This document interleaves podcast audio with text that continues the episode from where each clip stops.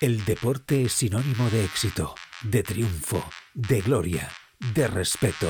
Los deportistas, atletas, jugadores, entrenadores son referentes, aclamados en todo el mundo y también son víctimas. Tribuna Marca con Joan Prats y el podcast Crímenes Ibéricos de Apcas.com presentan Crímenes Deportivos, el podcast que te narra las muertes y asesinatos de deportistas de todos los tiempos. Escucha Crímenes Deportivos en tu plataforma preferida de podcasting.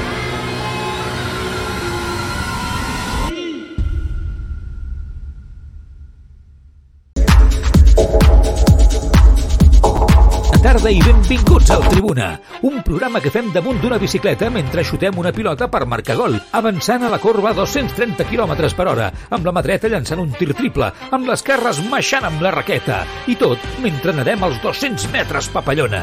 Això és el Tribuna Marca amb Joan Prats.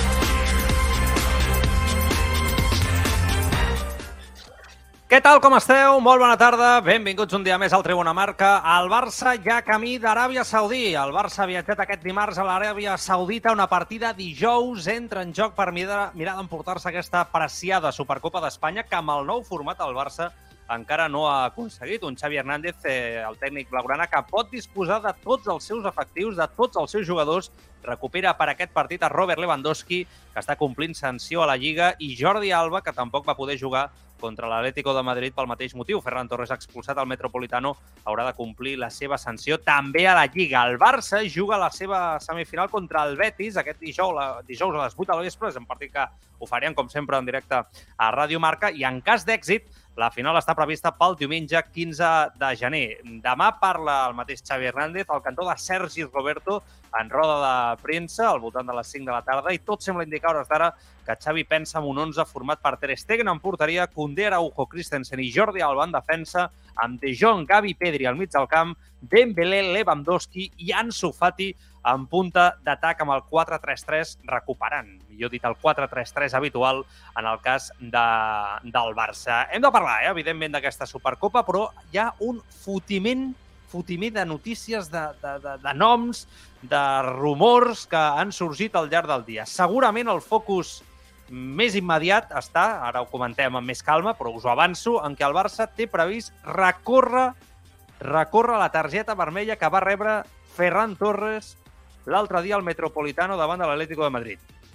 A l'estil Lewandowski, el Barça té previst recórrer aquella targeta. A mi em sembla escandalós que el Barça ho faci. Després esgrimiré els eh, motius pels quals penso que eh, el Barça no hauria de, de fer això, ni molt menys. Crec que no té motius en aquest, eh, en aquest aspecte i crec que fins i tot perjudica a la pròpia situació que viu el, el jugador, que en tot cas el que hauria de fer és, eh, és aprendre. L'altre nom, a aquestes hores de la tarda, és el de Memphis Depay, perquè fa una estona ha saltat la notícia l'Atlético de Madrid vol a Memphis Depay. Aquesta és la notícia a aquestes hores de la tarda, amb Joao Fèlix ja a Londres, amb el, amb el Chelsea, recordeu que ha marxat eh, cedit eh, per 11 milions d'euros fins a final de, de temporada, i la notícia és que l'Atlético de Madrid, com a substitut, vol a Memphis Depay. Què passarà? No ho sabem, perquè és veritat que Xavi havia insistit en que no sortiria ningú, havia insistit en que preferia quedar-se amb tots els efectius, però és cert que Memphis Depay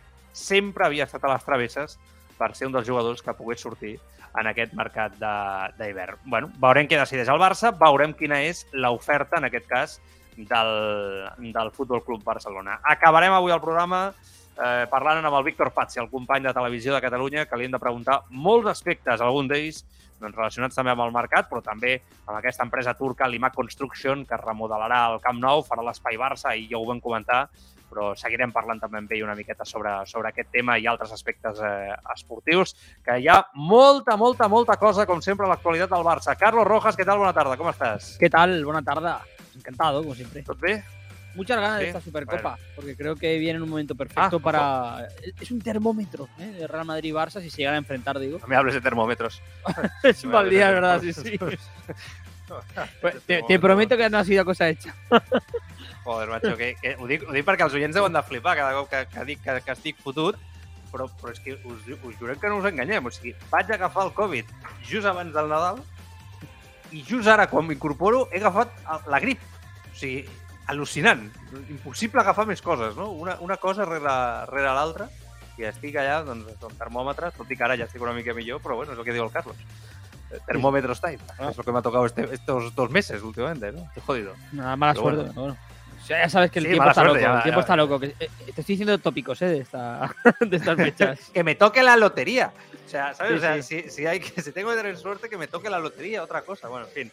Bueno, en directe a través de Radio Marca, a través de radiomarcabarcelona.com, a través de l'aplicació mòbil de Radio Marca Barcelona, a través de del Twitch, eh, twitch.tv barra el Tribuna, veig per aquí hi ha el Togromi, el Daniel H, el Juanito Guapito, el Javín Gornoro, el Togromi que diu, ¿estás en racha, Joan? Sí, sí, ya estoy en racha, sí. La veritat és que eh, espero que ahora ya después ya a tope, ya a tope hasta el año que viene, eh, sin virus i sin mocos. el. Eh, exacte, el canal de YouTube també, tant, saludem a tots els del podcast, tenim el, el, grup de TikTok, el grup de Telegram, el TikTok, bueno, ja sabeu que em faig un embolic amb tot el que, amb tot el que tenim. Bueno, anem per parts.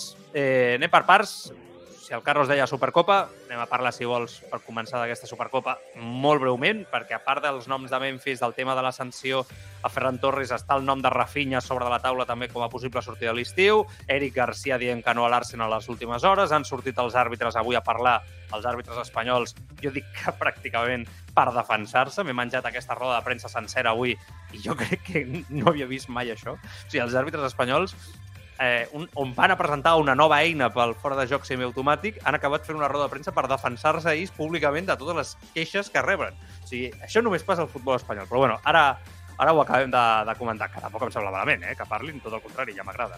Eh, però Supercopa, es verdad que esta Supercopa, Carlos, que el Barça no ha ganado nunca, como decía yo antes con el nuevo formato. Ostras, si el Barça gana la Supercopa, es un punto de partida brutal. O sea, parece una competición menor. Bueno, no es una liga, no es una Champions, no es tampoco una Copa del Rey. Pero en la situación del Barça, ¿no? Con esa urgencia que decimos cada día que tiene, ¿no? Este equipo, este club por ganar títulos, oye, pues t'esperona, jo, jo crec que això segur, et dona una empenta de confiança brutal, fins i tot pot esvair molts fantasmes de confiança que té aquesta plantilla que es veu en cada partit, no? Si aconsegueix guanyar una Supercopa, jo que sé, una final davant del Real Madrid, per posar-te una. I, I és veritat que, bueno, guanyes un títol.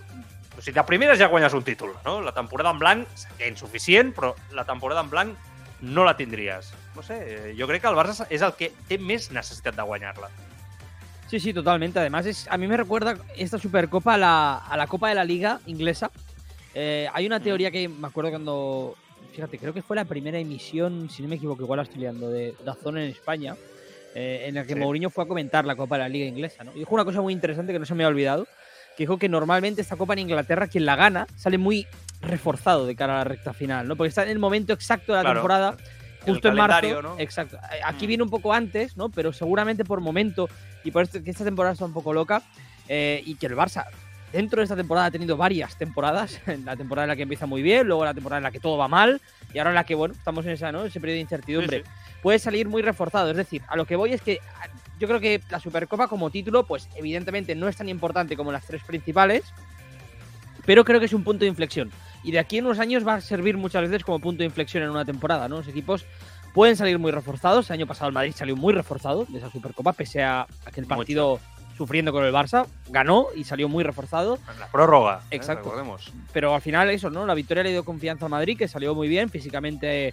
eh, luego aguantó el, el tiro, ¿no? Y, y acabó muy bien la temporada. Esta temporada, pues puede ser lo mismo. Ya no lo digo solo en clave Barça, que evidentemente tiene una oportunidad, ¿no? El equipo de Xavi de dar un golpe encima de la mesa, sino también del resto, ¿no? De- sobre todo del, Real Madrid, ¿no? Porque Valencia y Betis están rezagadísimos, ¿no? Pero Real Madrid, pues sí que también le puede venir bien para. Despejar fantasmas o incluso para entrar definitivamente en crisis si no se lleva la Supercopa. Sí. Totalmente. Estoy buscando, aquí haciendo una, una búsqueda rápida, ¿eh? Eh, cómo afectó después al Barça en resultados esa derrota en la Supercopa en semifinales ante el Real Madrid, que recordemos que la sensación que hubo es que el Barça había salido reforzado, ¿no? De alguna manera, eh, por haber podido ya competir definitivamente, ¿verdad? Ante un equipo de primer nivel como era el Real Madrid, eterno rival, después de donde venía y con un equipo claramente inferior a lo que tiene este año el Barça, ¿no? Y veo que eh, esto fue el 12 del 1, concretamente, o sea, prácticamente estamos hablando que el mismo día que este año, ¿no? Eh, no, el mismo día, ¿no? Concretamente, sí, sí, el mismo día que, el, año pasado. Y eh, el siguiente partido fue la Europa League, Barça 1, Nápoles 1, después de perder en la Supercopa. Ese fue el siguiente enfrentamiento. Y a partir de aquí, pues victoria contra el Nápoles y victorias en Liga. O sea que tampoco al Barça le afectó mucho en ese sentido. Eh, aquella derrota en ese, en ese caso, ¿no? Pero el Eh, primer- la bueno. primera Supercopa sí, recordemos, que fue que acabó, acabó con No, no, Valverde. aquella fue terrible. No, no, no, no. aqu- Aquella marcó el declive de la etapa de Valverde, que ya con Valverde ya se venía viendo que la cosa no acababa de tirar y, ahí fue, que me acuerdo de Marco Morata, no? Aquello fue la, la situació. Bueno, eh, l'11 que hem donat encara queda, hem d'escoltar demà Xavi i a Sergi Roberto parlar, però, però sí que és veritat que ens hem atrevit a l'inici amb un 11 titular que pugui presentar en aquest cas. Home, jo crec que donar continuïtat a la defensa em sembla obvi, no? tenint en compte la fortalesa que va demostrar davant de l'Atlético, potser amb el canvi de Jordi Alba per Alejandro Valde. Crec que De Jong, Gavi, Pedri, ara mateix, en De Jong com a mig centre, començo a pensar que a Xavi li dona més garanties. Dembélé és intocable, Lewandowski jugarà segur, i Ansu Fati potser a l'esquerra, no? donant-li continuïtat. Tot i que, bueno, clar, eh, està clar que Ansu no està jugant bé. És una obvietat. Ansu Fati no está jugando bien. Sí, sí. No, y sobre Yo todo. lo pongo como titular por lo que dijo Xavi de que ahora es su momento y le va a dar minutos y minutos, pero viendo un poco, ¿no? Que cuando jugaba más bien, seguramente a principio de noviembre, final de octubre, que era un poco el mejor momento de esa temporada de Ansu Fati, no le daba esa continuidad, quizá Xavi no ha querido planteárselo diferente, ¿no? Es decir, si a lo mejor el chico necesita 5 o 6 partidos, eh, pues se los voy a dar, ¿no? Porque además, además, si hay un momento por disponibilidad, ¿no? Que Xavi puede darle esos minutos, es ahora. Lewandowski fuera, Ferran Claro. también fuera, ¿no? Eh, es verdad que mañana a lo mejor, ¿no? Podrías tener ser un poco más egoísta, entre, o pasado mañana más bien, entre comillas, ¿no? Y poner a Dembélé, Ferran, ¿no? Lewandowski y pensar, o, o Rafinha, ¿no? Y pensar más en Ansu Fati para esos partidos de liga, pero a mí ya me parece bien que en un torneo de máxima exigencia, porque el Barça quiere la Supercopa, pues que Ansu Fati vaya, vaya a jugar, ¿no? Y más si al final, esto ya sería especular mucho, porque el primero hay que ganarle al, al Betis, ¿no? Pero si le ganas al Betis y, y te metes en la final contra el Madrid, pues que también tenga minutos y que pueda hacer un buen partido, como ya hizo en la Supercopa del año pasado, pues creo que le puede venir muy bien. Bueno, ja anem a veure què passa, no? En aquest cas, com dic, eh, si juga o no Ansu Fati, si finalment juguen altres efectius com pot ser Ferran Torres, eh, com pot ser Rafinha. Bueno, no, no, no, no crec que Rafinha l'utilitzi massa per l'esquerra, però bueno, la sensació que tinc és que seria l'altre home. Dades d'audiència de les Supercopes dels últims anys. Eh, està clar que aquest nou format és una, un èxit absolut, no? Des de que se celebra a Aràbia Saudita. Més enllà de valors, més enllà de que ens agradi o no ens agrada, que no ens agrada aquí generalment, de que això de la Supercopa es disputi a Aràbia, Aràbia Saudí. Eh, segons el mitjà Colemania, que han explicat, han explicat avui, al gener del 2022 gairebé 4 milions d'espectadors van seguir la Supercopa. Mig milió més que el 2021. El 2020 només 2 milions van veure la Supercopa a Movistar. I, a, i clar, si aquestes dades les comparem amb el 2019, que va ser l'última competició de la Supercopa en obert i disputada a l'estiu, 4,7 milions d'espectadors. O sea, que está claro que engancha más, porque con televisión encerrado estamos ya casi en números, ¿no? De televisión en abierto. Está claro que el momento en el que se disputa la Supercopa tiene todo el mundo más enganchado, ¿no? De alguna manera, por ser en mitad de la competición. Y en verano, yo me acuerdo que incluso había alguna Supercopa de España que me pillaba de vacaciones en algún lugar y para verlo tenía que hacer mis cábalas. O sea, que yo creo que todos un poco nos ha pasado, ¿no? Esto que no, no era una buena fecha, es verdad. Eso sí que ha sido un acierto, ¿no? Eh, Yo creo que se demuestra tres años después, el cambio de fecha. Sí, yo creo que el cambio de fecha es eh, perfecto porque además hay que decir que cuando haces ese cambio de, de competición, ¿no? Un poco, ¿no? De la estructura, porque también cambia la estructura, tienes que reformular la Copa del Rey porque si no, no te caben, Claro, ¿no? Con claro. partidos de ida y vuelta. Y lo ha hecho muy bien la federación. Ha hecho la Copa más atractiva. Yo creo que estamos disfrutando de muy buenas ediciones Sí, de Copa del Rey. Más emocionante. y la Supercopa también. El único pero, que es un pero en mayúscula, es eh, ¿no? el sitio donde se hace. No porque sea Arabia Saudí, porque yo creo que sinceramente que esta Supercopa hecha en España tendría un, vamos, un éxito brutal. Algo parecido a la Copa del. Rey de básquet. Sí, y a nivel de aficionados, de gente, cada, cada Final Four que se dispute en una ciudad, en esa ciudad, pues oye, como la final de la Copa del Rey, ¿no? Muchos aficionados comprando entrada, haciendo grandes eh, taquillas. Estoy convencido que funcionaría muy bien y que sería, vamos, el éxito rotundo para mí. Pero bueno, la pasta manda ¿eh? y ya sabemos todo lo que ha pasado en torno a la pròpia, a, a la pròpia Supercopa. Antes, abans del partit davant del Betis, juga al Madrid davant del València. Ho fa, en aquest cas, demà, a partir de les 8 del vespre, com sempre, en directe a Radio Marca. ¿Qué ha dicho Ancelotti, Carlos? Ha hablado hoy, ¿no? En esta rueda de prensa que ha acabado hace un ratito. Sí, eh, Carlos Ancelotti, bueno, le han preguntado porque recordemos que el rival, ¿no? Y este hombre es que lo veo mal últimamente. Es que no, no sé, no lo, veo, lo, veo, sufriendo mucho a este hombre. No, no, no, no sé. Me, da, me, transmite sufrimiento últimamente. Bueno, sobre, to sobre, todo le han preguntado por la derrota de Villarreal, ¿no? Por cómo está el equipo, porque la crisis está claro que, que, que está ahí, ¿no? Y que, y que, puede salir y que puede salir un mal partido contra el Valencia y, y agravarla todavía. Pero Ancelotti dice que lo del Villarreal fue un, solamente un mal partido.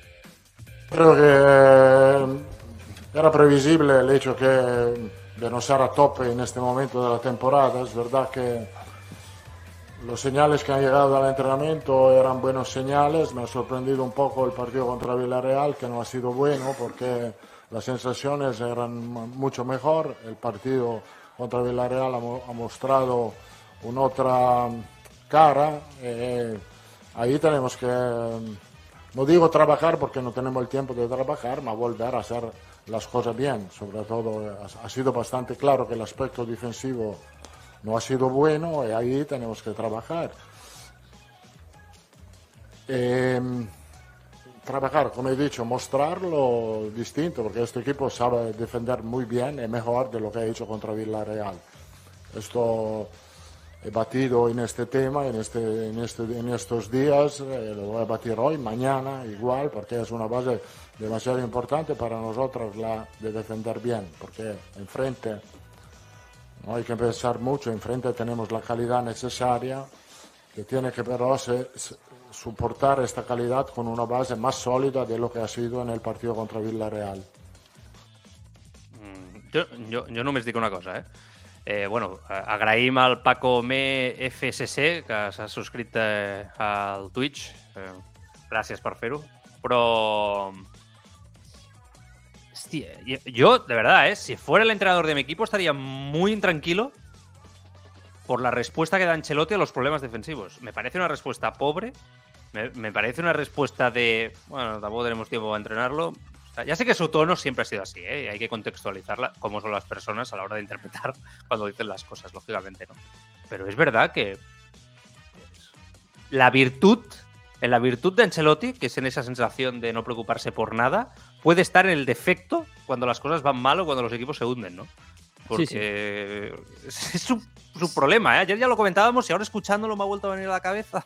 Y realmente yo no estaría tranquilo. O sea, si yo hoy fuera el entrenador de, del Barcelona Ancelotti, ahora mismo estaría pegando palos a mansalva. Yo creo que le falta credibilidad, le falta en lo que dice, pero porque él es una, una, un pacificador en todos los sentidos, tú lo has dicho, lo bueno y lo malo, ¿no? Cuando hay un incendio, sabe entrenar Ancelotti porque sabe que no, no, no va a tomar decisiones ¿no? en caliente, va a pensarlo bien y va a ser eh, bueno, una persona con cabeza, pero es cierto que hay veces que el problema sí que es realmente grave y que ¿no? requiere que vayas un poco más contundente, que des una respuesta creíble, eh, sólida, sincera, que la gente piense ¿no? que realmente tienes una solución y, a mí, y lo que transmite es apatía. A lo mejor no, no es realmente así. Sí. A lo mejor Ancelotti sí que está preocupado, pero no lo transmite.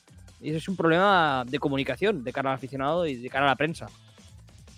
Ha parlat Courtois també sobre la derrota davant del Villarreal l'altre dia. L'escoltem.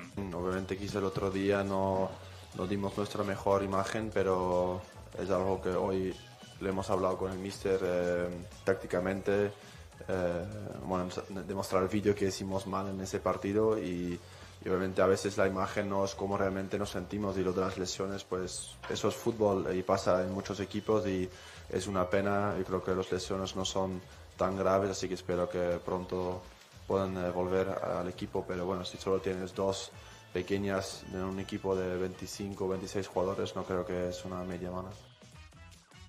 En això de les lesions té raó, però, però sí que és veritat que, bueno, és allò on poses la, la, la mesura, no? Després d'una derrota com l'altre dia, on van fallar molts automatismes defensius, on el Madrid va donar fins i tot certa sensació d'apatia defensiva, no?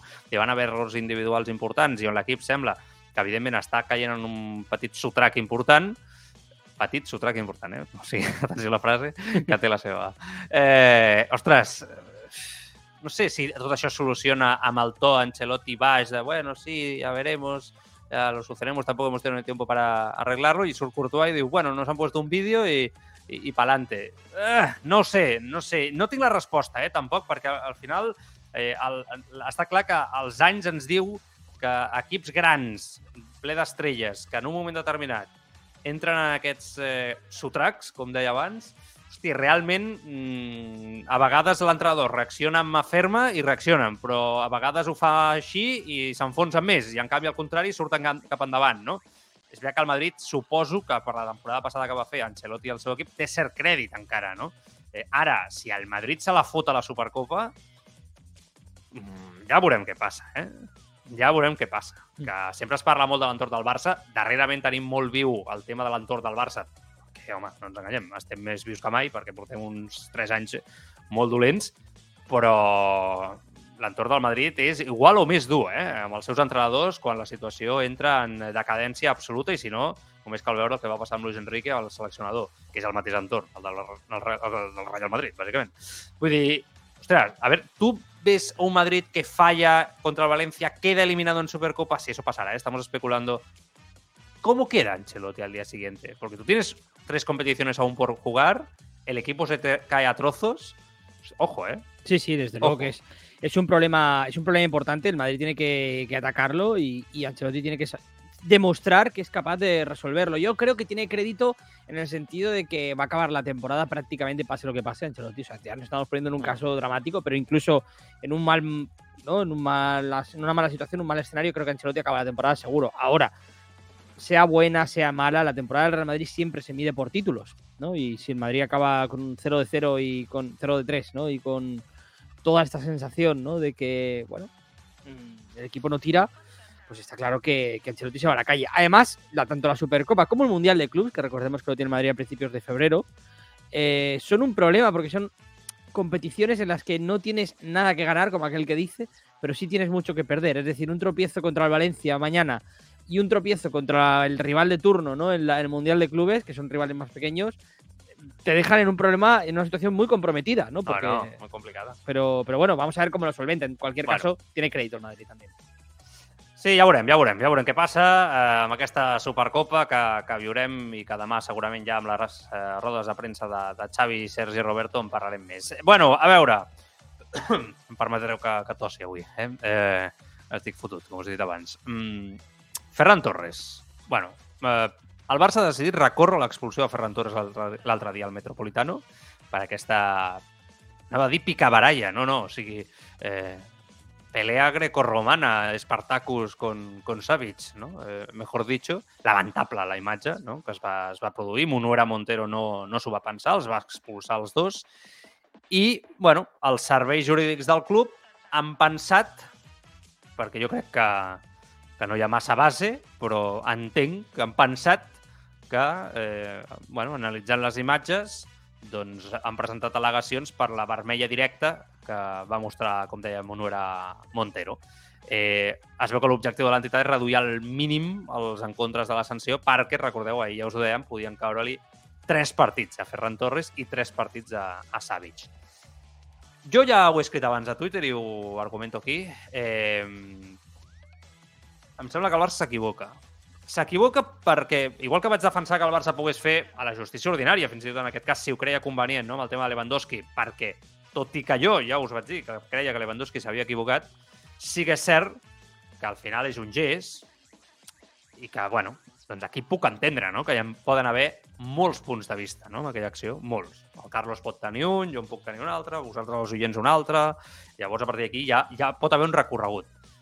Així com vaig defensar que el Barça estava en el seu dret de fer-ho, ostres, crec que el de Ferran Torres és tan evident i és tan lamentable que fins i tot crec que com a club el Barça hauria de dir eh, no, no, que es mengi els tres partits. Ho dic perquè parlem d'un jugador que, no ens enganyem, eh, no està funcionant, no està complint amb les expectatives, eh, no acaba de donar un pas endavant com s'esperava no?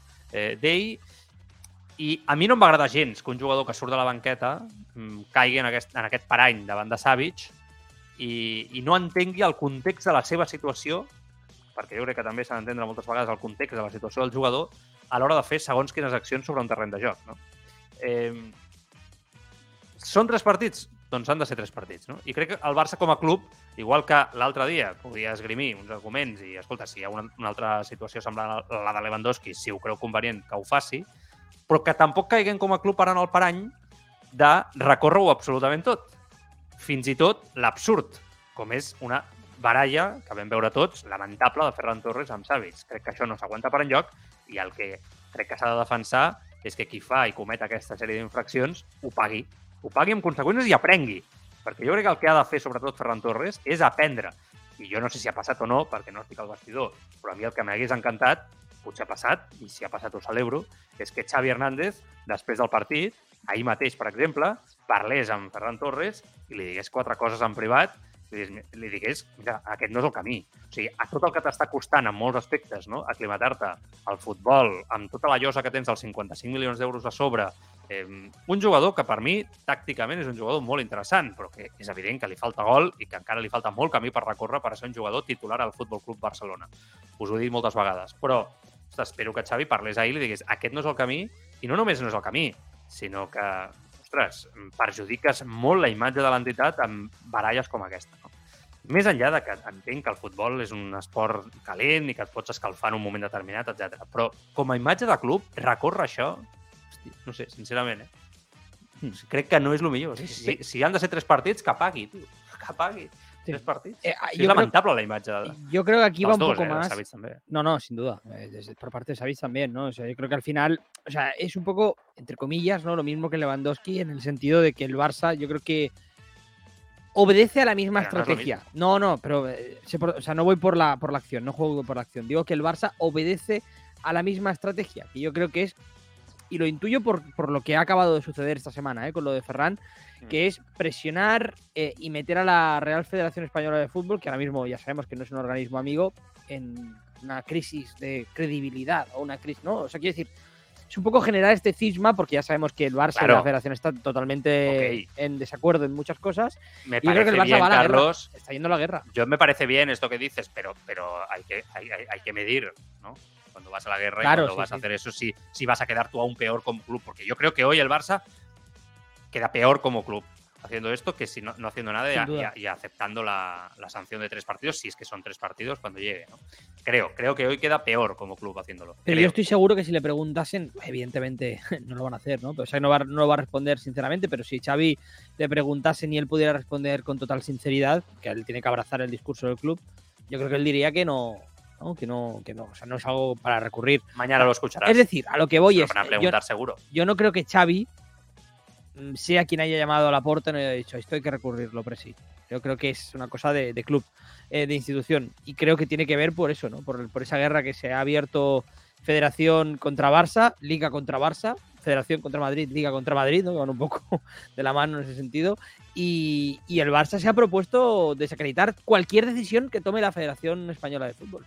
Y me parece un tanto arriesgada porque por el camino, curiosamente y paradójicamente, te puedes quedar tú sin credibilidad. Es decir, si tú vas Que es lo que le va a pasar en Exacto. este caso. Tú vas al final, te van a decir, mira, tú va- está usted recurriendo sanciones cada semana, eh, sanciones que además no tienen ningún recorrido, porque si fuera por algo que no ha sucedido, evidentemente lo podemos estudiar, pero La de Lewandowski, ya tú no lo ves así. Yo sí lo veo así, tiene recorrido. O sea, yo creo que el Barça ahí está en su derecho de hacerlo porque hay cierto margen a la especulación. En este caso, para mí, es una, una cagada como club hacer esto.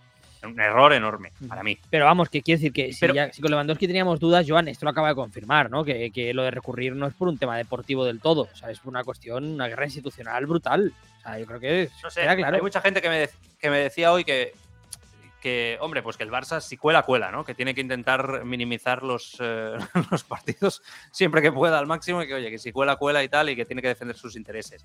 Yo creo que, oye, eh, estamos aquí para ser lo máximo honestos posibles todos, ¿no? Esa honestidad que le pedimos a las instituciones futbolísticas, que muchas veces, lamentablemente, no, no las tienen, eh, y por eso el Barça tiene ciertas guerras con Liga, Federación o el propio Madrid, ¿no? Los dos también se lo tiene que pedir, se, lo- tenemos que pedir a los clubes, ¿no? O sea, mm, cuando no hay, no hay. Y en este caso es que lo vimos todos. Es que todos nos llevamos las manos a la cabeza cuando vimos a Ferran Torres y a Savic de esa forma, ¿no? Eh, tirados por el suelo, cogiéndose, bueno, de diferentes partes del cuerpo, eh, luchando ahí eh, a los Spartacus. Yo creo que todos dijimos, ¿esto qué es? O sea, es que, ¿qué, qué tipo de cavernícola, ¿no? haciendo su trabajo, siendo adultos, se pelean de esta forma en un terreno de juego ante millones de personas mirando, ¿no? O sea, creo que precisamente esto es lo que no queremos que se vea, ¿no? O esta es la imagen que no queremos que se vea. Y el señor Tebas, que tanto pierde el tiempo muchas veces hablando de situaciones que parece más que sea un generador de contenido que el propio presidente de la liga, seguramente lo que tendría que hacer es que en todas estas situaciones debería de hablar hasta con los propios futbolistas y con los propios clubes. Lo que no debería de hacer a veces es meterse donde se meta. Pero cuando quiero que se meta el presidente de la liga es cuando hay acciones como esta, no solamente la de Xavi y Fernando y Ferran Torres, hay muchos otros casos en muchos partidos de fútbol, que ahí es cuando hay que decirle al futbolista, hay que enseñar al futbolista, hay que hacer pedagogía con el futbolista y decir, oye, si tú quieres jugar en esta liga, mmm, tienes que ser un profesional. Y un profesional implica que tú no puedes perder los, los nervios de esta manera, ni, ni, puedes parecer un auténtico, con todos los respetos hacia los orangutanes, ¿eh? pero se me, entiende para, se entiende para contextualizar lo que digo. Tú, tú no puedes ponerte como un, como un, orangután a pelearte en la selva, ¿no? Con, es que yo creo que es, es lamentable, o sea, es lamentable. Entonces, eh, no sé. Eh, creo, sinceramente, que, que hay que entender que ese no es el camino, bajo mi punto de vista. Hay un oyente que dice yo lo que he visto es a Ferran Torres respondiendo a una agresión de Savic. De todas formas, están bien expulsados los dos. Petras Maco, diu. Sí, és veritat que perquè, a més, en diferents programes televisius es pot veure, o es, després diferents imatges es va poder veure no, com és Savic el que provoca no, eh, directament, però ràpidament es veu com Ferran Torres l'agafa del cabell i entra al joc. Vull dir, al final, jo crec que no podem entrar ni a justificar absolutament res, que no ho fa, eh, l'oient, eh, però, però que molta gent es diu, no, se defendió, ¿no? Cuando hay unas, unas peleas, ¿no, Carlos? No, se ha defendido. No, no, ah, yo me defendía. No, no.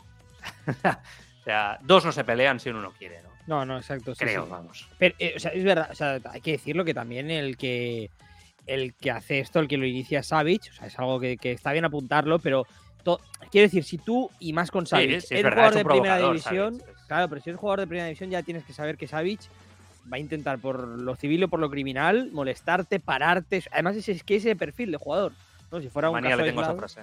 Eh, civil y criminal.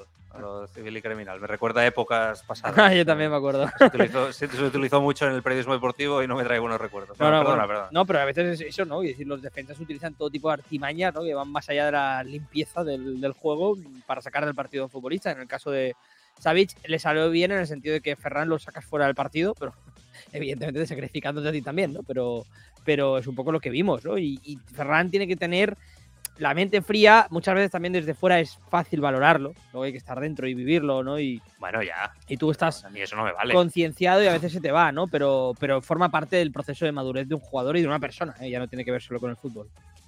Vinga, missatges de, de l'audiència i anem amb el tema Memphis Depay Atlético de Madrid perquè aquí hi ha molt tema i molta teca eh, perquè hi ha, insisteixo, molta, molta informació al respecte i anem a veure què decideix fer finalment en aquest sentit el Futbol Club Barcelona. Si negociar o no amb l'Atlético. No podem oblidar com van acabar les relacions entre els dos clubs. Carlos, què dice la gente? Algunos comentarios sobre, el sobre la Supercopa decía de Vipers. Depende de si la final es contra el Madrid. Si la gana será un puntazo, pero si es contra el Valencia, lo siento por ellos, pero no es lo mismo. Tugromi apuntaba. Valverde no es que fuera santo de mi devoción, pero se ganaban las ligas con mucha ventaja. Aún así perdíamos, pedíamos perdón, cambio de entrenador porque no se jugaba bien. Sabio Culé decía, si aguantamos a Xavi, Ancelotti queda como el actual campeón de la Champions. Dos comentarios de Miguel Keftaboy que decía, sería la primera vez en este siglo el que un entrenador sigue después de cero títulos por el tema de Ancelotti. Y ahora, sobre este tema, decía, habiendo VAR, lo más inteligente es fingir agresiones, no responder. Sobre el, comentario de Peter Asmac, añadía, a Ferran le viene bien estar unos partidos, unos cuantos partidos sin jugar, a ver si espabila y se centra un poquito. Vale, eh, bàsicament el tema Memphis Depay. Bueno, eh, fa una estona el Manu Carreño de, de la cadena SER ha explicat que un cop ja s'ha tancat, ja està tancat l'operació de, de Joao Fèlix al, al Chelsea, recordeu que marxa per 11 milions d'euros cedit fins a final de temporada, mm, bona incorporació pel Chelsea, que està en una situació bastant complicada, per cert, anem a veure si Joao Fèlix acaba tornant o no al, al propi club matalasser, apareix Memphis Depay en escena. Segons aquesta informació, l'Atlético de Madrid ha fet saber que vol a Memphis Depay un jugador que acaba contracte, recordem, a finals de temporada, com a substitut de Joao Fèlix. Un jugador atacant, un perfil que no està jugant ara mateix al Barça, que té a Rafinha, Ansu Fati, Lewandowski, Ferran Torres, tots aquests jugadors pel davant. I ara hem de veure qui decideix el Barça. Perquè és un jugador que acaba contractant en sis mesos, per tant, la quantitat a pagar per part de l'Atlético no serà massa, sense descartar que vingui a intentar que se'l cedeixi. Jo no descartaria això. Crec que hem de contextualitzar molt la situació. L'Atlético de Madrid porta molts anys negociant amb el Barça els últims 5, 6, 7 anys i sempre sortint guanyador. I, i fins i tot portant-se francament malament amb el Barça. Francament malament amb el Barça. El Barça ha sortit molt perjudicat de negociar amb l'Atlético de Madrid els últims temps. Llavors, aquí jo crec que com a club també t'has de fer respectar. No? Xavi ha dit que no vol perdre cap efectiu. El tema del fair play, dubto que ara mateix surti Memphis faci vaja, una gran ajuda al fair play esportiu, financer perdó, del Barça, eh, si surt ara els propers sis mesos. Què farà el Barça? Aquest és el gran interrogant. Ara després al Víctor Pazzi li preguntaré no? què creu ell que, que farà el Barça. Però què farà el Barça?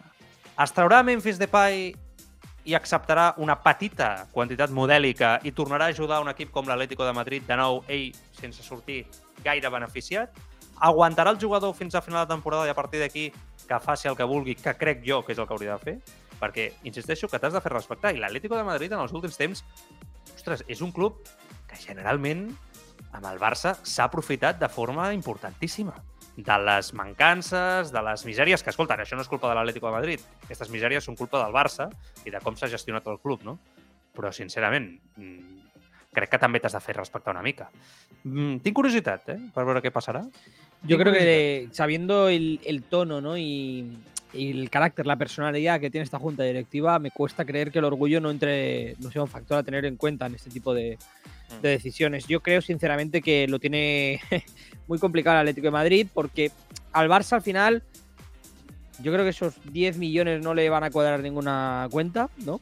Realmente. Es verdad que es un jugador que a priori, salvo una catombe de disponibilidad de jugadores, no va a contar mucho los grandes partidos para Xavi, hay que decirlo.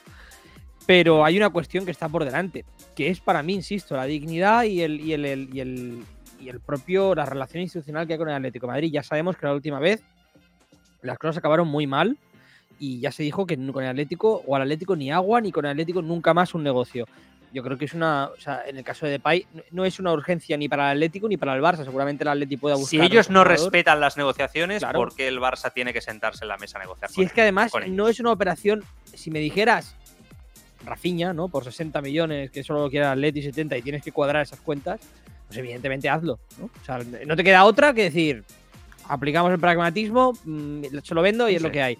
Pero son, es una cantidad, lo que has dicho tú, no simbólica y por un jugador que, bueno, que es verdad que, que Depay por profesionalidad seguramente se merezca, ¿no? Jugar lo que resta de temporada, pero hay algo por delante. El Barça tiene que mirar por, sus propios intereses y en este caso la dignidad como institución tiene que estar por delante.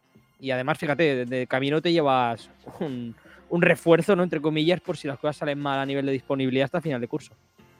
és això el tema, no?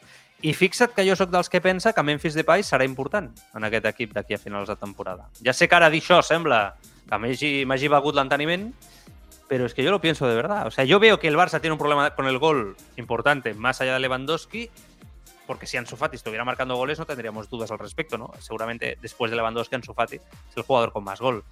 Pero sin Ansu al 100%, sí que me da la sensación de que Memphis es el hombre, ¿no? Que, puede en un momento determinado eh, aportar gol y que Xavi, pues si ve que los demás no dan un paso al frente, lo puede empezar a poner. Es cierto que la demarcación de Memphis no existe demasiado en el sistema táctico de, Xavi y que parece que no le acaba de encajar mucho.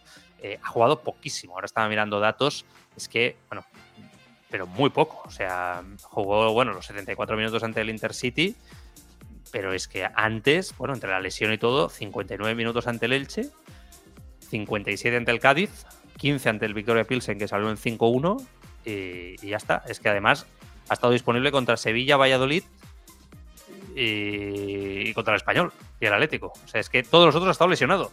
todos los otros partidos ha estado lesionado Memphis Depay. O sea, es que ahora mismo es un jugador que es como si no hubiera estado este año en el, en el Fútbol Club Barcelona. Por eso digo que crec que només té a a sumar, no? en aquest sentit. Eh, però bueno, s'ha de veure a veure com acaba. Eh, llegim missatges i així ens traiem aquest tema de, de sobre, amb el tema Memphis Depay. Què faria la gent? El vendria, no el vendria? Sí, por ejemplo, empezamos con Peter Asmack que decía, pues si quieren a Memphis Depay, que paguen y que paguen bien a estos tíos ni agua. Por otra parte, Juanito Guapito decía, si quieren a Depay, que lo paguen por adelantado, por adelantado, que siempre nos toman el pelo. Miguel Keftaboy apunta, ¿cuántos delanteros han pasado por manos de Simeone y han acabado saliendo, pareciendo peores jugadores de lo que, de lo que llegaron? Un último comentario de Tugromi que decía, al Atlético le pedía 10 kilos mínimo y, si sale, pediría la cesión de Auba.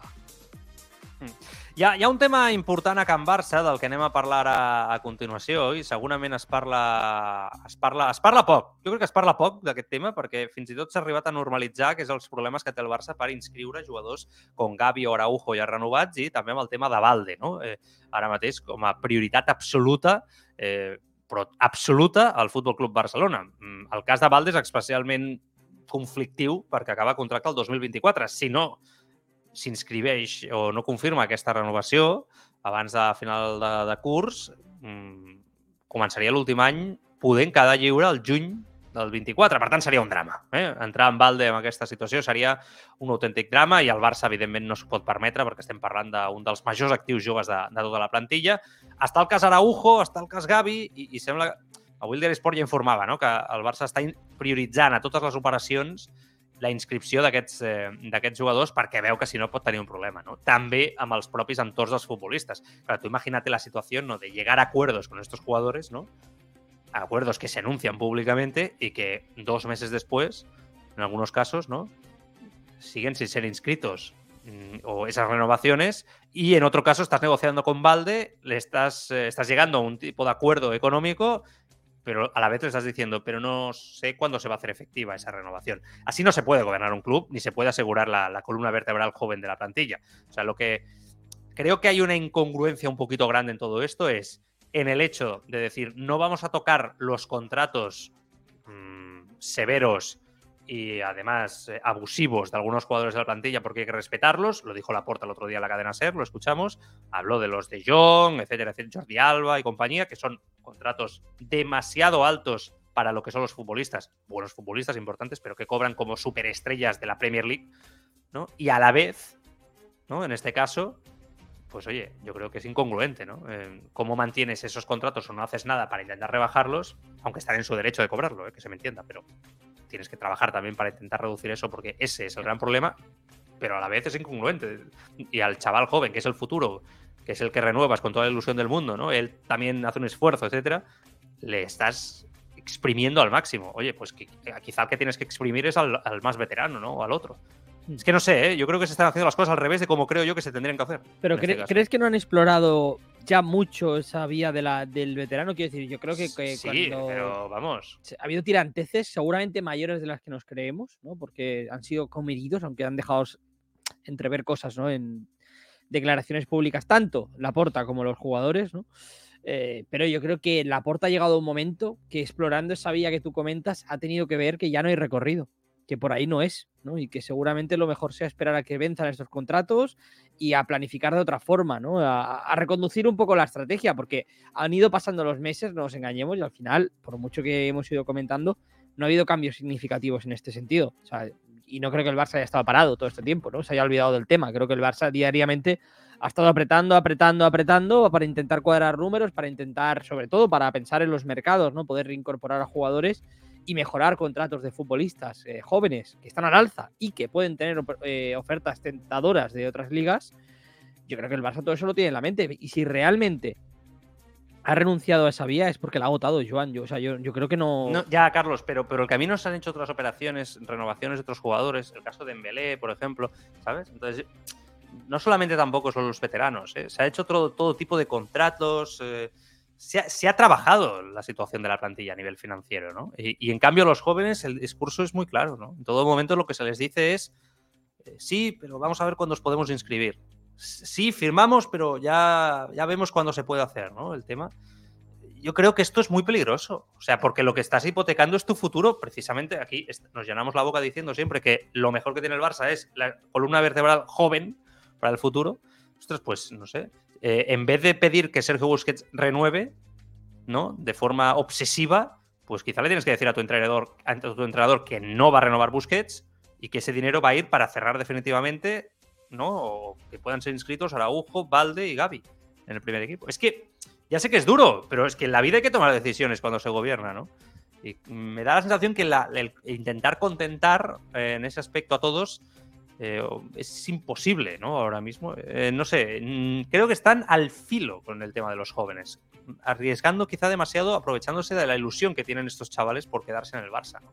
Seguramente. no sería el, primer caso. Claro, pero ojo con esto, ¿eh? Claro, que siempre se le preguntó por su futuro, ¿eh? Claro, claro, es que no.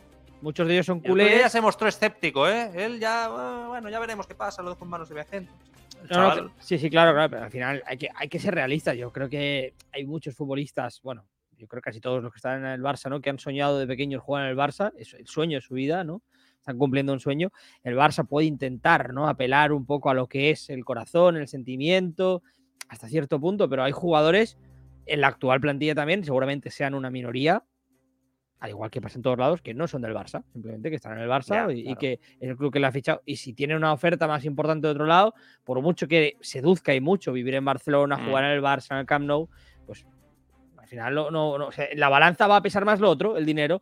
Eh, no en todos los casos, porque el Barça es un club muy importante, muy grande, pero al igual por estadística, digo, alguno tiene que salir así, ¿no? Si, si tú aplicas esta, esa estrategia con todos. Y ponte a rezar porque el que te salga así sea el jugador que te puedas quitar de encima, porque como sea uno de los importantes y uno de los que no puedas renunciar, estás fuera. Bueno, o te, vas a gastar el dinero después, el doble, ¿no? Por no haber sido hábil con este, con este tema, ¿no? Eh, que es lo que hemos visto en el Barça en muchos, eh, en muchos aspectos. Hi ha un missatge aquí del Miquel eh, Keftaboy eh, que diu tendrán que vender a un Fati o un Dembélé aunque joda.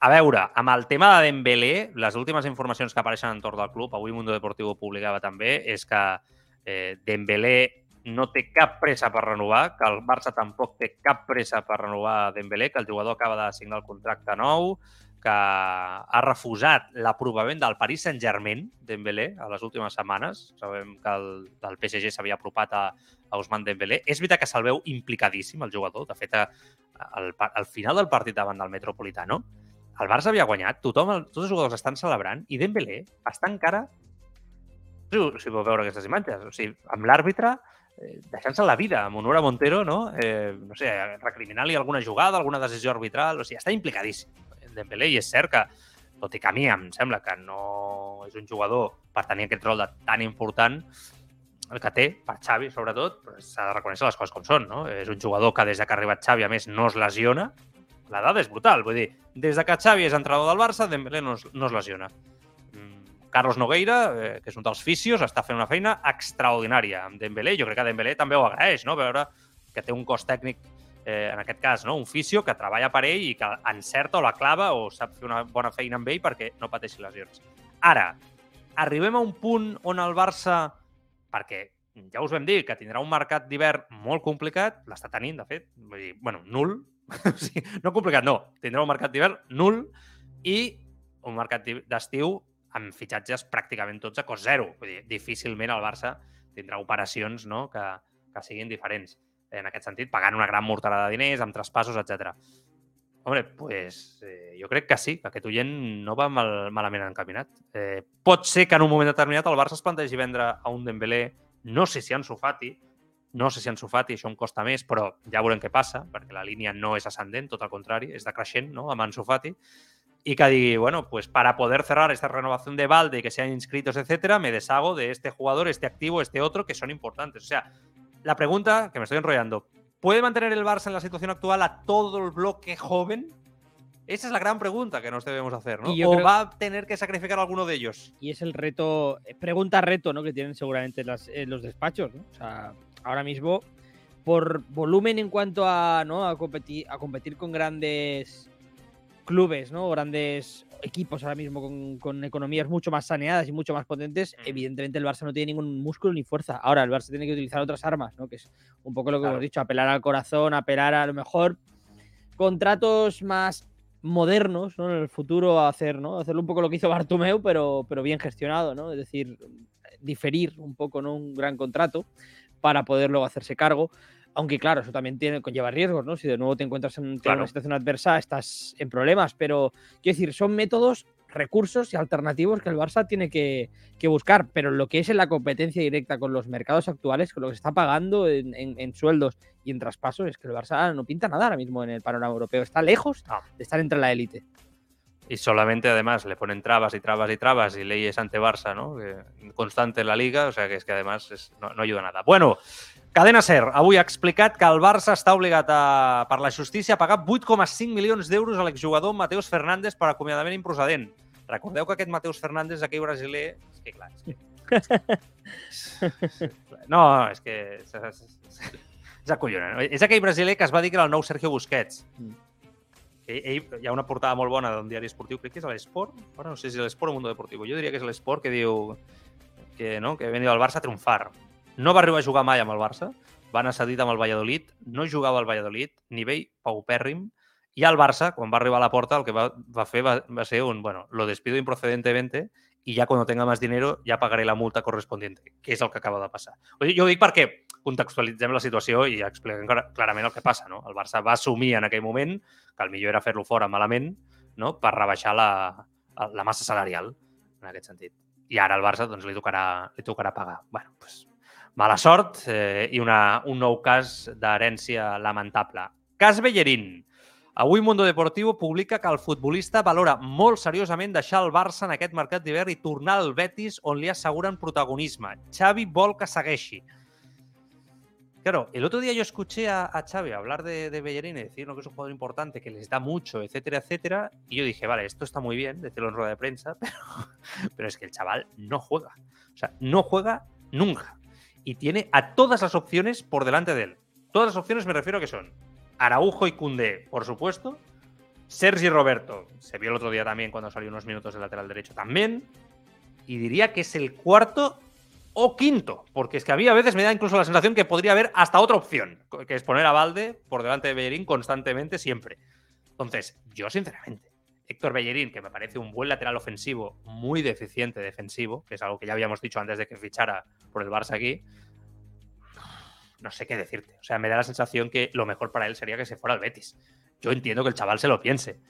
No sé si el Barça lo pierde, perdería ahora mismo con el rol que tiene dentro del equipo de, de la cabeza de Xavi a un gran jugador o un jugador que, que pueda llegar a ser muy importante en la final, en la final de temporada sin desmerecer al futbolista, ¿eh? entenderme, que además tiene una cabeza privilegiada, como hemos dicho muchas veces aquí. Sí, pero es que yo, yo lo que no entiendo es, es, es la, la insistencia, no sé si insistencia o el deseo de Xavi de que siga. O sea, eh, al final ya hemos no visto- quiere- él no quiere perder efectivos, Pero- él quiere tener a todos. que- No sabe lo que puede pasar, lesiones, etcétera. El entrenador se cura en salud, Carlos. Ya, pero, pero es que Bellerín, con perdón, ¿eh? pero no es ni un efectivo. O sea, lo vimos superado contra el Intercity. O sea, es un jugador que ahora mismo no te genera ninguna garantía ni seguridad en ningún partido. En el Barça.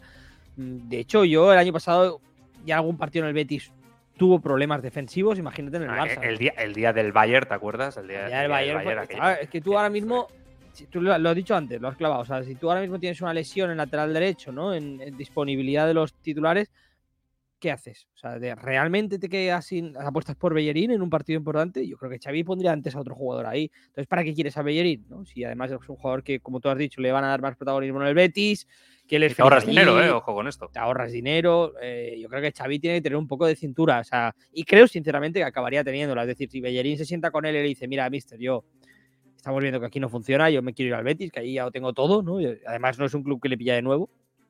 Mm. Mm, Creo que Xavi sería, no sé, sensato, ¿no? Y, y le dejaría, y Sí, le dejaría si ir. te lo pide el jugador, sí. Claro, si te lo pide el jugador. Pero es verdad que Bellerín siempre da la sensación de que quiere volver al Betis, pero al final nunca acaba en el Betis. Es decir, el verano pasado acaba en el Barça a la recta final del mercado, pero él, si hubiera querido, podría haber ido al Betis. Eh, por, por- Aguantó por el Barça, ¿no? No, se rebajó el salario y en el Barça sí que el Barça sí que se lo pudo pagar, ¿no? Pero el Betis no entraba dentro del límite salarial y no Si se lo hubiera rebajado Bellerín, podría haber firmado a principios de agosto, finales de julio, pero no lo hizo. Y aguantó al Barça porque el Barça apareció después. Pero vamos, o sea, lo que voy es que él tampoco tiene un gran, gran, gran, gran, gran deseo de ir al Betis. Seguramente le apetezca, porque es un club que, ¿no? que, que ha sido muy feliz y que conoce a muchos jugadores y está contento, pero si él puede seguir en Can Barça, yo creo que tampoco vamos, se va a poner a llorar, ¿eh?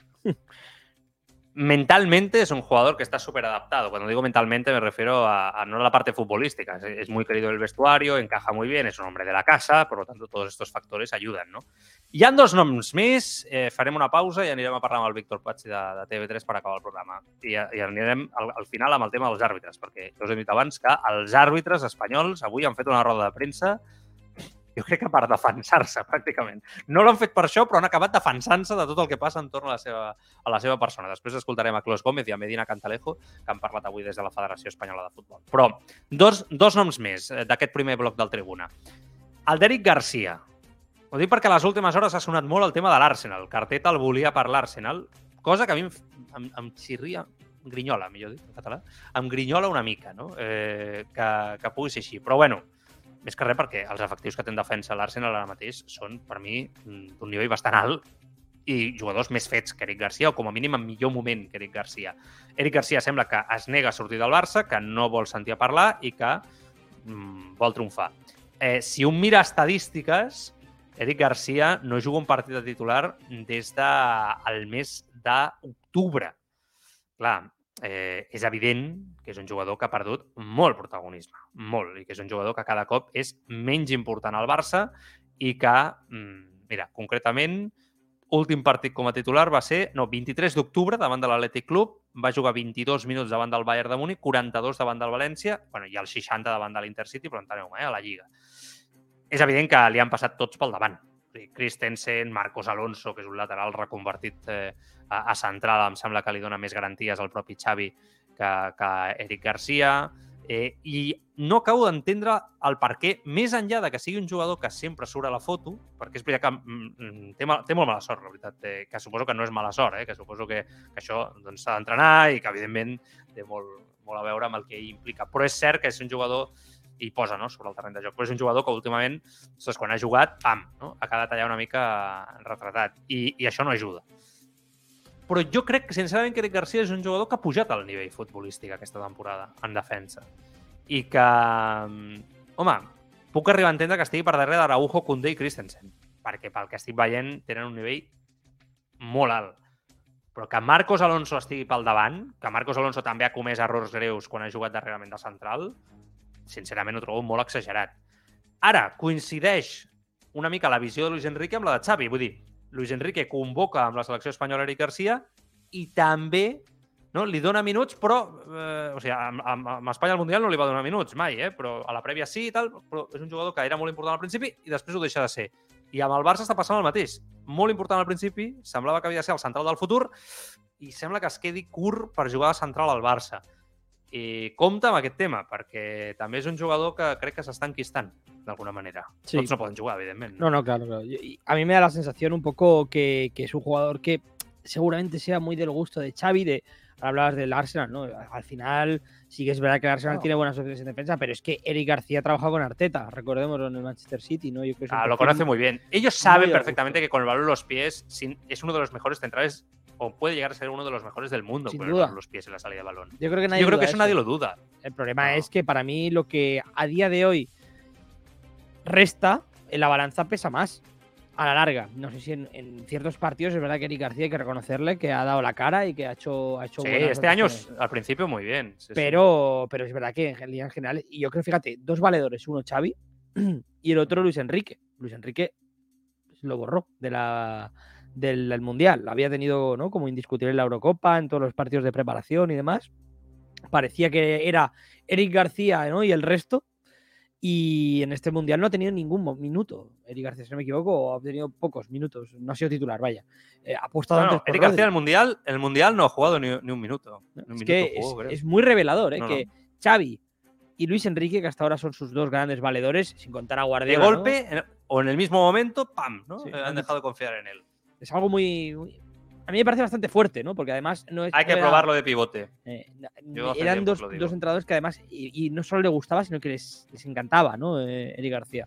Y de repente desaparece de sus planes. No sé, algo hay ahí, ¿no? Y, que, y yo creo que, que tiene que, que hacer una reflexión. Eric García, sinceramente, pienso que en el mejor de los casos Eric García puede, puede llegar a ser un gran tercer central del Barça en su carrera deportiva, pero yo nunca le voy a ver nivel de titular por los errores que comete. Creo que son prácticamente incorregibles en lo que le resta de carrera. Mm, Sí, pero como pivote es un jugador historia, claro. que ahí podría brillar y saldría menos perjudicado por esas carencias defensivas que tiene. Yo creo que hay que verlo ahí. Y el Barça ahora mismo está en una situación de duda respecto a quién puede jugar ahí. Yo recuerdo que Piqué, jugando de medio centro en el Zaragoza, en sus inicios de, su carrera, lo hizo francamente bien. Y era un jugador de características con el balón en los pies muy parecidas a las de Eric García. Piqué, después defensivamente, era mucho más sólido, evidentemente, ¿no? Como se ha, visto a lo largo de su carrera. Eric García, si quizá no corrige eso, que no podemos olvidar que tiene 22 anys, segueix sent molt jove, molt jove Eric Garcia, però sí que és veritat que és el que diem sempre.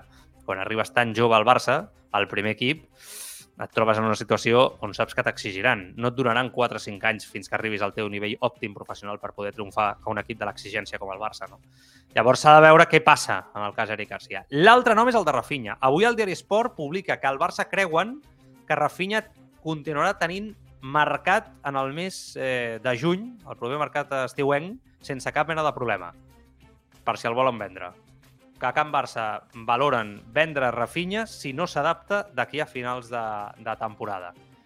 Bueno, yo creo que esto es la, crónica de una muerte anunciada, ¿eh? el tema de Rafinha. O sea, ya eh, ahora ya salen noticias que hablan de que el Barça ya tiene claro o se alegran de que es un jugador con mercado en la Premier League el próximo verano, con lo que ya eh, estamos pensando en venderlo. Está claro que no debería haber fichado nunca por el Barça. Yo cada día lo tengo más, más claro. En 30 segundos, Carlos. Rafinha, que es algo que ya iremos hablando porque queda mucho, mucha temporada. Vamos a Publi y después con Víctor Pachi. Mm, Yo, yo pienso, sinceramente, cuando ya hay un jugador en Can Barça, ¿no? Y más cuando no es de la casa, ¿no? Y no es del entorno que se le toca por primera vez, ¿no? Se dice que el Barça podría escuchar ofertas y demás, ya está. y más en la situación actual en la, Sí, que, en la que el Barça necesita, tiene esa urgencia económica, vender futbolistas, ¿no? Quitárselos de encima. Yo creo que, que eres un señalado clarísimo, ¿no? Y, y es verdad que eh, el fútbol, fíjate, 10 de enero, yo creo que si hace una buena recta final de temporada, y es ese jugador de 70 millones, el Barça sí que, sí que al final cambiará seguramente radicalmente Hombre. de postura. Pero él mentalmente sí que me había parecido muy fuerte, que decirlo, eh, hasta ahora, eh, Rafinha, pero parece que está totalmente fuera de juego ahora mismo. Bueno, a mi m'agrada, eh, Rafinha, però sí que és veritat que no, no ha encaixat bé i crec que el context que el rodeja tan, tampoc. Ràpida pausa i parlem amb el Víctor Patxe de TV3. Anem a xerrar una, una estoneta amb ell sobre l'actualitat del Barça. Alguns dels temes que han sortit li preguntem també a veure què, a veure què opina. També li vull preguntar per aquesta nova empresa constructora no? que, que farà la construcció del nou espai Barça i hem anat parlant encara dels àrbitres. S'han defensat avui. Ara tornem. Ràdio Marca és emoció, l'esport és nostre. Ràdio Marca és emoció, Ràdio Marca Barcelona 89.1. Ràdio Marca. El deporte es sinónimo de éxito, de triunfo, de gloria, de respeto. Los deportistas, atletas, jugadores, entrenadores son referentes, aclamados en todo el mundo y también son víctimas. Tribuna Marca con Joan Prats y el podcast Crímenes Ibéricos de Apcas.com presentan Crímenes Deportivos, el podcast que te narra las muertes y asesinatos de deportistas de todos los tiempos. Escucha Crímenes Deportivos en tu plataforma preferida de podcasting.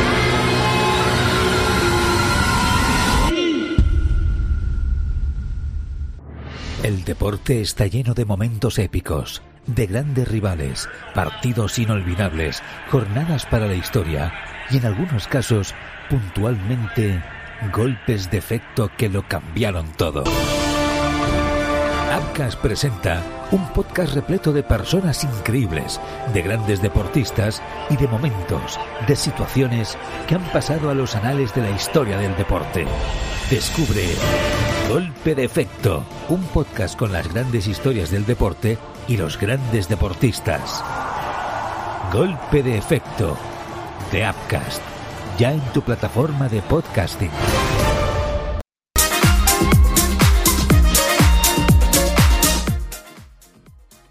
Va, doncs seguim aquí al Tribuna Marca. És un plaer, com sempre, saludar el company de Televisió de Catalunya, el Víctor Pazzi. Víctor, què tal? Bona tarda, com estàs? Què tal? Bona tarda a tots.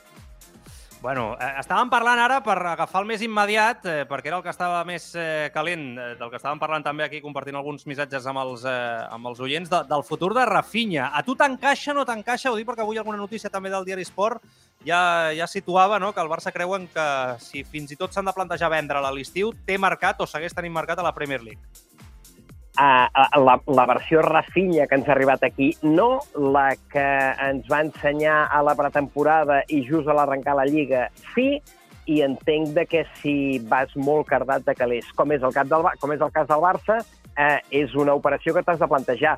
Però també t'he de dir que és l'operació d'aquest estiu eh, eh, més cara de totes les que han vingut. Vull dir, ara parlo de memòria i eren, mm, eh, no sé si eren 58 de fixes i no Sí, em facis 70 dir si veig. i no em facis dir si eren 10 o 12 de variables. Uh, compte, com, compte, compte, perquè l'hauràs amortitzat un únic any. Uh, és molt complicat, això. Uh, uh, si, si tenen paciència, perquè tothom la té, uh, Mansu Fati, uh, jo tindria paciència amb aquest futbolista. I tindran paciència, Víctor, amb Ansu Fati? Aquesta és la gran Ah. pregunta, no? Bueno, és que eh, fa de molt mal dir que el futbolista no està bé ara mateix per rendir amb l'elit del futbol professional. I com que fa de molt mal dir, eh, no ho diu ningú. Eh, tothom és eh, eh, tenim moltes ganes, tant de bo, donem-li temps, eh, 10 partits, eh, el màxim de minuts... Eh, bueno, aqu aquesta és la corrent d'opinió perquè tothom li té un respecte visceral al calvari que ha viscut el nano amb quatre cirurgies de genoll, amb una articulació bàsica per la pràctica esportiva professional, en aquest cas la seva és el futbol, i a partir d'aquí tothom té el desig. Eh, en aquesta eh, mena de torneu apertura que va ser eh, l'inici de Lliga fins a l'aturada del novembre pel Mundial, era aviam si tornava a ser l'Anso d'abans de la lesió. Quan Luis Enrique se l'endú pel Mundial és aviam si amb la injecció de moral eh, comencem a veure coses de l'Anso d'abans de la lesió ara que torna del Mundial, aviam si tornem a veure coses de l'Anso d'abans de la lesió. I eh, no sortim d'aquest cercle viciós, digue-li hàmster, de bons desitjos, i veus que el nano vol, però a dia d'avui encara no pot. Res, és la xispa, eh? Mm, L'altre dia mirant allò amb l'UP el partit que va fer el Calderón de titular, Sí. eh, ell en té dues, i en les dues eh, eh, la defensa és eh, més ràpida que ell executant. Doncs eh, li, li, li falta això, més enllà de que a l'hora d'anar-se'n com se n'anava pues, li costa, etc etc. Eh, escolta, eh, li han penjat eh, el 10 a l'esquena, que això, que això déu-n'hi-do, déu nhi déu i després ell ve d'una terrible experiència eh, quirúrgica que no en va voler saber res amb una, amb una eh, lesió que no tenia res a veure amb el genoll, però que era un bon estrip muscular. Recordeu que, que no es va deixar operar perquè li tenia pànic eh, a tornar a passar pel, pel quiròfan per la mala experiència que va tenir. Eh, se li ha de donar temps, només faltaria, només faltaria. A més a més, és una aposta eh, eh, de club, és una aposta de futur. Vull dir, si, si aquest jugador eh, torna a ser el que era, eh, bingo, doble bingo, triple bingo. A mesura que van passant les setmanes, mesos, i, i veurem eh, com acaba la temporada, pues, el replantejament podria ser un altre, però de moment, escolta, només faltaria paciència. I per acabar amb els casos Stargate una mica, eh, Ferran Torres. Estàs encara al vaixell de Ferran Torres o t'has baixat ja? Pues, eh, mira, eh, eh, va- van substituir Ansu i va entrar Ferran Torres. Vull dir, eh, ni l'un ni l'altre eh, van completar eh, uns, uns mínims per ser diferencials en el partit. Eh, de Ferran Torres, em sembla que aquesta temporada li hem vist cosetes en aquell partit intrascendent de el Barça eliminat de Champions al camp del Victoria Pilsen, que no sé si en va fer un o dos, i després sí, mm, tu veus que eh, es, es mou, s'ofereix, eh, eh, reparteix, assisteix, eh, fa de boia, però no, i a l'hora a l'hora d'enxufar-la, eh, pues no. I la, i, i, I la mala jugada és que es va pagar per uh, rendiment immediat i uh, allò immediat, que deia el Subi, i rendiment Sí. de gols. Vull dir, 55 milions més 8 o 10 en variables eh, és, és, és fitxar a, a un tres quarts de crack. I, i a dia d'avui, eh, si tu repasses, dius, eh, dels sis que hi ha davant, eh, què? Què fem? Lewandowski, sense cap mena de dubte, i, i, i- desitjant que la pàjara del dia de l'Espanyol eh, eh, sigui puntual i, i que ara la Supercopa aquí a Aràbia eh, torni a ser Lewandowski que era, eh, Dembélé, eh, capaç de pues, eh, d'enxufar el gol de la victòria Calderón i de no fer-ne ni una de les tres que va tenir per, per fer el 0-2, eh, amb espais, amb velocitat, vull dir, amb, amb, amb l'ecosistema futbolístic que a ell li agrada, eh, que dius, mi caso amb l'olla, nen, eh, eh, dels tres, deixo que em fallis una, mira, pots fallar-ne dues, però la tercera fica-la dins. Bueno, tot i així, Dem Dembélé és de carrer ara mateix el millor davanter i a partir d'aquí Ansu, pues, malauradament, està com està, eh, eh, Ferran Torres aporta el que t'aporta, Rafinha, pues, eh, cada vegada sembla que va perdent fins i tot la confiança a l'entrenador i, i el Mundial tampoc ha servit per revitalitzar-lo i, bueno, eh, no ho sé tu, els caràcters eh, brasilers, en aquest cas, eh, l'experiència em diu que són més inestables emocionalment. Totalment. Ho diu la història, oi? Sí, sí, tens eh, tota, la, tota la raó. Eh, ja veurem què passa, eh, però jo sóc dels que pensa... Aquí estava el David Bernabéu l'altre dia, que ho deia, i ell comentava, no? El Barça o comença a veure que més efectius, més enllà de Lewandowski, marquen més gols, o pràcticament aquest pot ser el motiu pel qual el Barça pateixi en el tram final o el tram decisiu de la temporada, no? O sigui, Sí, comencem a veure com els Ans i companyia marquen o, o, o, o patirà l'equip per aquí i per aquí és on es poden escapar els títols, Víctor. t'he dit, dit sis davanters, te n'he anomenat Sí. cinc, em falta el sisè, que és Memphis Depay, que també està en aquesta situació contractual que acaba Ah. eh, temporada. Ja saps què fan els clubs en aquests casos, que és, hòstia, doncs, abans que posar-te a tu, que sé que no estaràs l'any que ve, per poc que pugui, en poso un altre, i per tant el Barça està amb cinc davanters i mig, que només en funció de baixes i, i, i obligacions, vull dir, veurem a Memphis eh, sent més o menys protagonista. Però tu mires el balanç golejador de tots aquests i dius, aviam, eh, molt bé, Lewandowski, el Lewandowski de fins a l'aturada de, de, del Mundial. Vale. I a partir d'aquí què hi ha? Bueno, hi ha un Ferran Torres que et marca de tant en quant, un Ansu Fati mm, que encara és més de tant en quant, eh, un Memphis Depay eh, que ha deixat de comptar eh, si hi ha altres opcions per hi estan per davant, i un Rafinha que dius, escolta, mm, hi ets, t'espero, però, ostres, eh, ensenya'm aquelles gardeles que m'ensenyaves a la gira eh, d'Estats Units, ensenya'm aquella capacitat de desbordar per la qual ens han portat del, del lit, i d'això fa mesos, no fa anys. Bueno, pues eh, Lewandowski eh, so, solo ante el peligro. Bueno, que, que no s'encostipi, que no s'encostipi, perquè a més a més sabem que l'aportació de gol dels migcampistes del Barça eh, és la que és. És un altre tema, aquest, eh? també. Eh, vull, que escol vull que escoltis a Pep Guardiola. A les últimes hores li hem, li hem preguntat aquest passat cap, cap de setmana eh, per l'adaptació de Potter, no? eh, de l'entrenador del Chelsea, Chelsea, que està sí.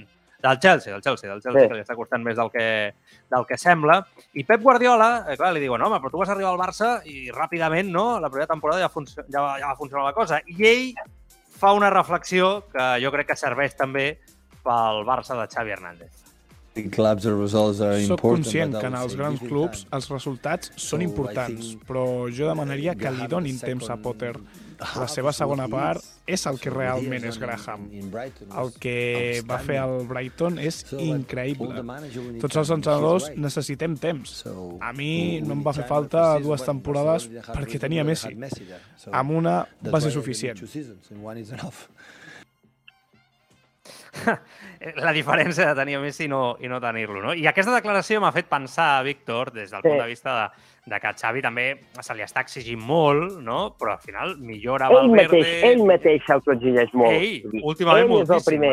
Eh, vull dir, lli- lliga, lliga, lliga, títols, títols, títols, en plural. Totalment. Sí. Totalment. El discurs és, és molt dur, Sí. no? Eh, Mm. darrerament ha canviat, ha virat en els últims do, dos mesos.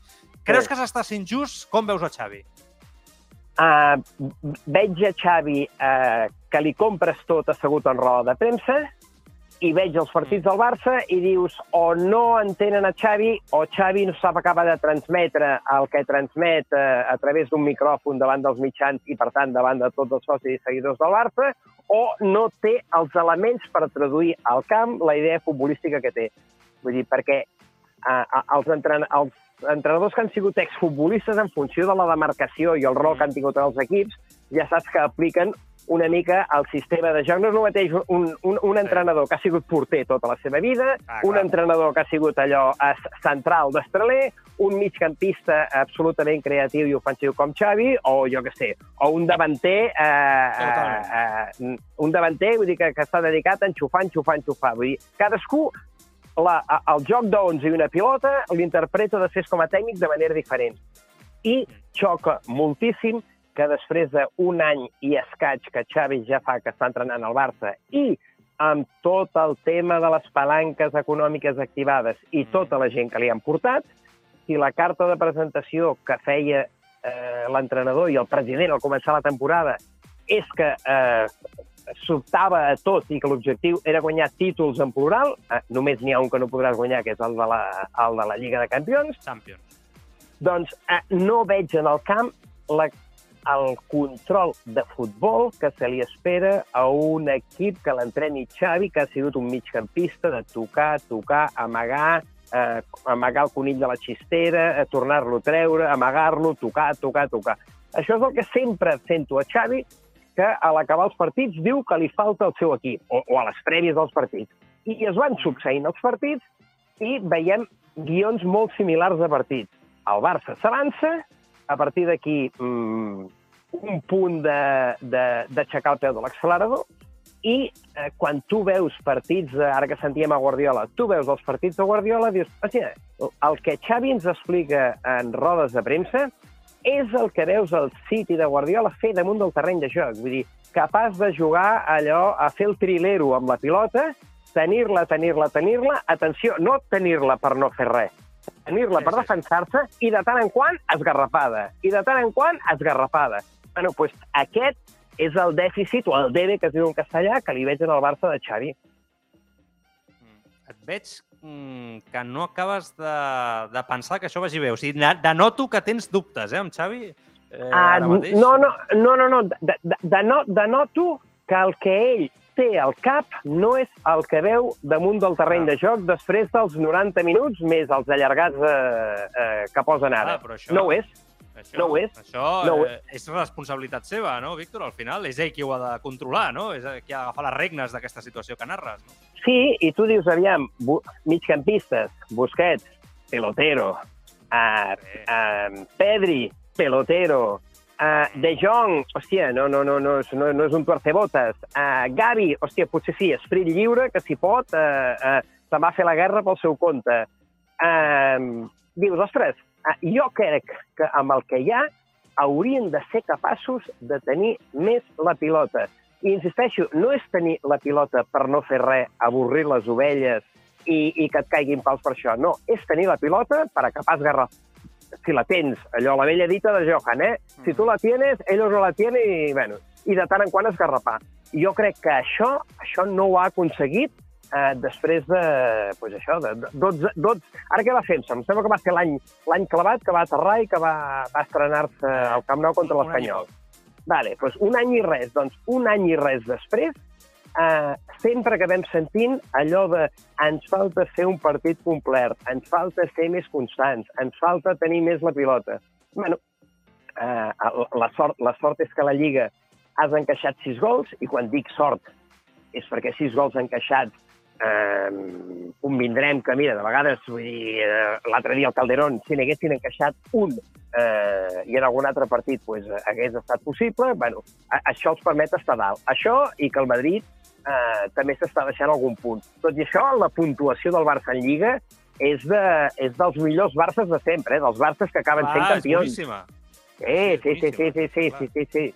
Vull dir, tu, tu agafes i dius, "Ostres, anem a mirar, anem a mirar les estadístiques d'aquesta jornada del Barça de Xavi en comparació dels Barces a partir de l'any 2000, és a dir, amb Rijkaard, amb Guardiola, amb Valverde, amb Pito, amb Tata, amb Luis Enrique... Eh, bueno, i dius, ostres, a dia d'avui jornada 15, jornada 16, tenen puntuació per ser campions, perquè els altres ho van ser el seu dia. bueno, Sí, sí. pues, eh, eh, els números diuen això i el que transmet l'equip en moltes fases del partit és una altra cosa.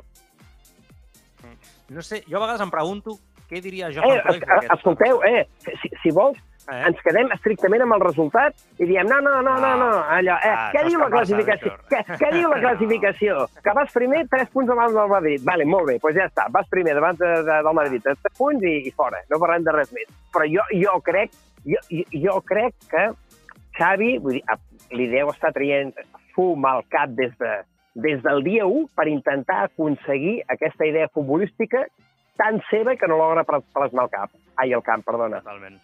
Totalment, totalment, t'ho compro, eh? I a vegades Sí. em pregunto, deia, què, què pensaria Johan Cruyff no? d'aquest eh, d'aquest Barça? Perquè és una persona que ella moltes vegades en l'entorn no? havia parlat eh, i era Mm. una persona crítica en diferents Barces en certs moments, etc i tal. Després va, va assessorar Joan Laporta eh, no? en la seva primera etapa com a president. Ara no pot fer, evidentment. Eh, i, I és cert que, ostres, a vegades m'ho pregunto, no? Dic, Què, què, què pensaria Johan Cruyff no? d'aquest Barça? Eh, ell hagués dit que Xavi, així com va dir que Rijkaard sí i altres noms sí, ell, ell, ell hagués dit Xavi sí, m'encaixa, i al veure ara totes aquestes incongruències, potser es pot dir així, incongruències que, que tu ara Home, deies poder- estem... I, Home, home, home Està el, el, que faré, tots, no? el, el, el que farem és Johan ficció, però evidentment Sí, que, eh, que, totalment. que, que, que, que el Xavi futbolista eh, és, és, era un, eh, és i era un futbolista eh, de, de, de la seva corda futbolística. Vaja, Això que no en, segur, tenim cap, me, segur. no, en tenim, no en tenim cap mena de dubte.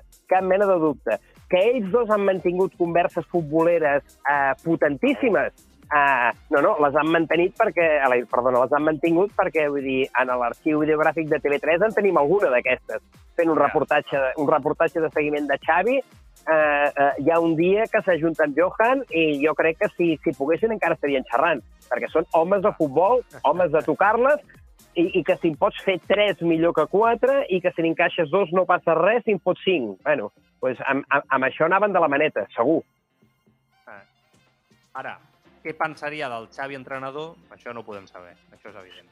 Això, això Home. no ho sabrem mai, no? Home, si Johan encara estigués fent la seva eh, columna futbolística que va fer, eh, o anàlisi futbolística que va Home. fer durant anys i anys a Marca, Periódico, Vanguardia, eh, eh, pues Maria fa, fa, faria, faria, faria allò de, de, de, del pa i la pastanaga. Vull dir, de, de tant en quant eh, clatellot i de tant, de tant en quant elogi, i quan anessin mal dades, eh, ell seria el primer de donar-li suport, i, i quan la cosa relaxés diria, escolta, eh, recorda que, eh, que, que l'elogi debilita i no baixis la guàrdia.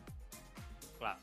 Bueno, la última, Víctor, eh, què et sembla això de l'IMAC eh, Construction com a empresa constructora de l'espai Barça eh, que, es va, que es va anunciar ahir? Eh, no sé, que, eh, tens una opinió més enllà de que, clar, és una empresa de construcció? Perquè, clar, són temes que se'ns escapen, eh?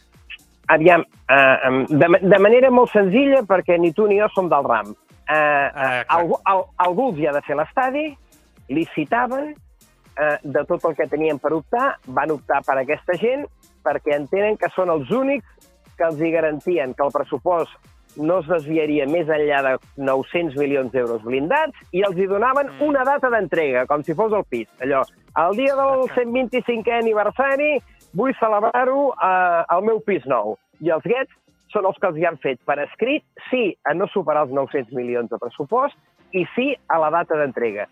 A mi el que em preocupa més de tot plegat, més enllà de si el seu és fer aeroports o si han fet un estadi petit o si es dediquen a fer eh, blocs d'apartaments i una altra cosa, eh, a mi el que em preocupa tot plegat és eh, aquests 900 milions que no s'han de superar s'hauran de pagar. És a dir, eh, al Barça li costarà... No, sa- sap que no li costarà o creu saber que no li costarà més de 900 milions si no hi hauria penalització per l'empresa. Molt bé, l'empresa es compromet a la data d'entrega del piset nou pels nuvis i que no li costarà més d'aquests diners. Però el Barça ho ha de pagar. Eh, vull veure aquest finançament d'on sortirà. És l'únic interrogant. És l'únic interrogant que tinc. I gros, Totalment. perquè són molts milions. I bàsic, no?, en tota, en tota aquesta Home. història de l'espai Barça. Sí, sí, sí, sí. sí. Vull, jo, jo, crec, jo crec que tothom s'ha tothom s'ha quedat amb, amb, què, amb quants diners costarà, 900 milions d'euros, i quan estarà acabat mm, allò eh, eh, pel 125è aniversari del club, que això és eh, finals de 2024. Vale, molt bé. Eh, com ho paguem? Va, aquesta és la gran pregunta. Bueno, veurem si Goldman Sachs, JP Morgan, no? aquests fons d'inversió Bueno, quals parlen bueno. a la Junta Directiva. No? Ara, ara, ara, a partir d'aquí ens hauran d'anar explicant, escolta, doncs mira, hem arribat a l'acord amb aquests que pagaran, ja que sé, el eh, 12,5% d'aquesta xifra. Aquests que aconseguirem pagar el... Bueno, bueno doncs, suposo que a partir d'ara hi haurà aquest capítol, perquè vull dir, més enllà que siguin turcs o siguin d'una altra banda, eh, facin aeroports o facin estadis petits o no n'hagin fet mai cap, aquests és la xifra que han de cobrar. Totalment. Víctor, que és un plaer, com sempre, escoltar-te. Gràcies per passar-te una tarda més pel Tribuna Marca. Una abraçada forta. A, avi, aviam què fa el Barça-Aràbia. Vinga, una abraçada a tots. Vinga, veurem. Cuida't molt. Vinga, adéu. El Víctor Pazzi, una tarda més aquí al Tribuna Marca, comentant la- l'actualitat. Ha dit coses eh, molt interessants, eh, com sempre, sent clar i eh, quan parla en aquest eh. ¿Algún mensaje, Carlitos, que quieras destacar mientras está hablando Víctor? Pues mira, se ha generado aquí debate cuando mientras la gente le escuchaba. ¿eh? Por ejemplo, eh, a Tugromi decía, totalmente de acuerdo con Víctor, son muchos partidos infumables que luego sale a sala de prensa, Xavi, y dice que hemos jugado excelente. Antonio LM, 1983, apuntaba, hay veces que el discurso de Xavi cansa y no es la realidad. Otra cosa son los números en liga incuestionables, pero lógico con Mundial de por medio. También comentaba, el tema es que los últimos seis partidos son, los pelos, son por los pelos y la moneda podía salir cara o cruz y que las sensaciones no son buenas. Se dice y no pasa nada. De Viper apuntaba, con su amplia, amplia experiencia de construir durante la enorme cifra de un estadio, ¿eh? dejaba caer por, por el último tema que, que comentabais, y, Sí. y Antonio Leme 1983 que seguía escribiendo. Fichar a Rafinha fue una cagada renovando a Dembélé, que son los dos de banda derecha, no sé qué planificación y qué manera de tirar millones en medianías. Molt bé. Eh, árbitros, y con eso nos vamos. Bueno, la verdad es que lo de hoy bueno, ha sigut una mica estrany, com a mínim. Jo celebro que parlin els àrbitres, eh? però, clar, eh, ens venen a presentar el fora de joc semiautomàtic aquest que es posarà en marxa a la Supercopa i d'això pràcticament no han parlat. O sigui, Medina Cantalejo i Clos Gómez s'han trobat en una situació on tots els periodistes els han començat a fer preguntes sobre les mans, sobre la situació de l'arbitratge eh, eh, espanyol, sobre si han de parlar els àrbitres en roda de premsa, bueno, mil temes, però com no parlen mai, a la que, a la que podem, evidentment, ens, ens hem a sobre, i jo crec que és el més lògic. Bueno, Medina Cantalejo i Clos Gómez, els dos homes forts no, de l'arbitratge espanyol ara mateix a la, a la federació. Primer, Clos Gómez explicant el tema de les mans, tan polèmic no, en tots els partits de primera divisió. Para que os hagáis una idea, hay más de 800 partidos con VAR a lo largo de la liga entre primera y segunda división. Cada partido más o menos habrá una o dos situaciones de, de mano, que eso significa que unos 1.600 jugadas de mano, de las cuales, si decimos que hemos fallado un 1 o un 2%, pues ya podéis saber cuántas, cuántas salen, ¿no? O sea, salen un número absoluto de manos alto, pero claro, en comparación con el número de acciones que, eh, que tenemos que decidir, es un número de aciertos muy alto, ¿no? Pero evidentemente, claro, fallar 16 manos a lo largo de una temporada, pongamos 8 en primera y 8 en segunda, evidentemente el equipo que la sufre, pues claro que tiene que, tiene que, tiene que, molestarse, lógicamente. Pero en números absolutos, eh, a evaluar cada partido. Menos de dos jugadas de mano no existen en cada partido. Por eso el criterio nuestro es, muy, es correcto, pero evidentemente nos equivocamos. Eh, cuando arbitramos nosotros y se equivocan ahora tanto en el bar como, como en el campo, pero de manera mínima. Eso significa que el criterio es correcto, pero evidentemente hay alguna pequeña disfunción. 1.600 manos son muchas manos. Bueno, básicamente lo que nos dicen Carlos es, va a seguir habiendo errores arbitrales con las manos porque no se puede solucionar. Yo me he visto toda la rueda de prensa entera, toda, me la he, me la he cascado entera, he tenido ese, esa penitencia esta mañana y, y, todas las otras respuestas, incluso de, de Medina Cantalejo, aparte de decir que eso de que la norma no está clara, etcétera, que dice que la norma está muy clara y que simplemente son errores arbitrales en la interpretación en algún momento determinado. Pero dicen que es que es imposible evitar que no haya errores. Entonces, que muchas veces la gente confunde los errores ¿no? con la norma y que eso confunde. Eso es lo que nos han venido a explicar en esta rueda de prensa. ¿Es suficiente? Eso ya no lo sé. Pero eso es lo que dicen ellos. Es imposible que lo acertemos todo, lo acabamos de escuchar, Los Gómez, ¿no? Y hombre, Carlos, es verdad que ninguno de nosotros hace- hacemos nuestro trabajo de forma perfecta siempre, ¿no? Eso es cierto. Eso también hay que decirlo.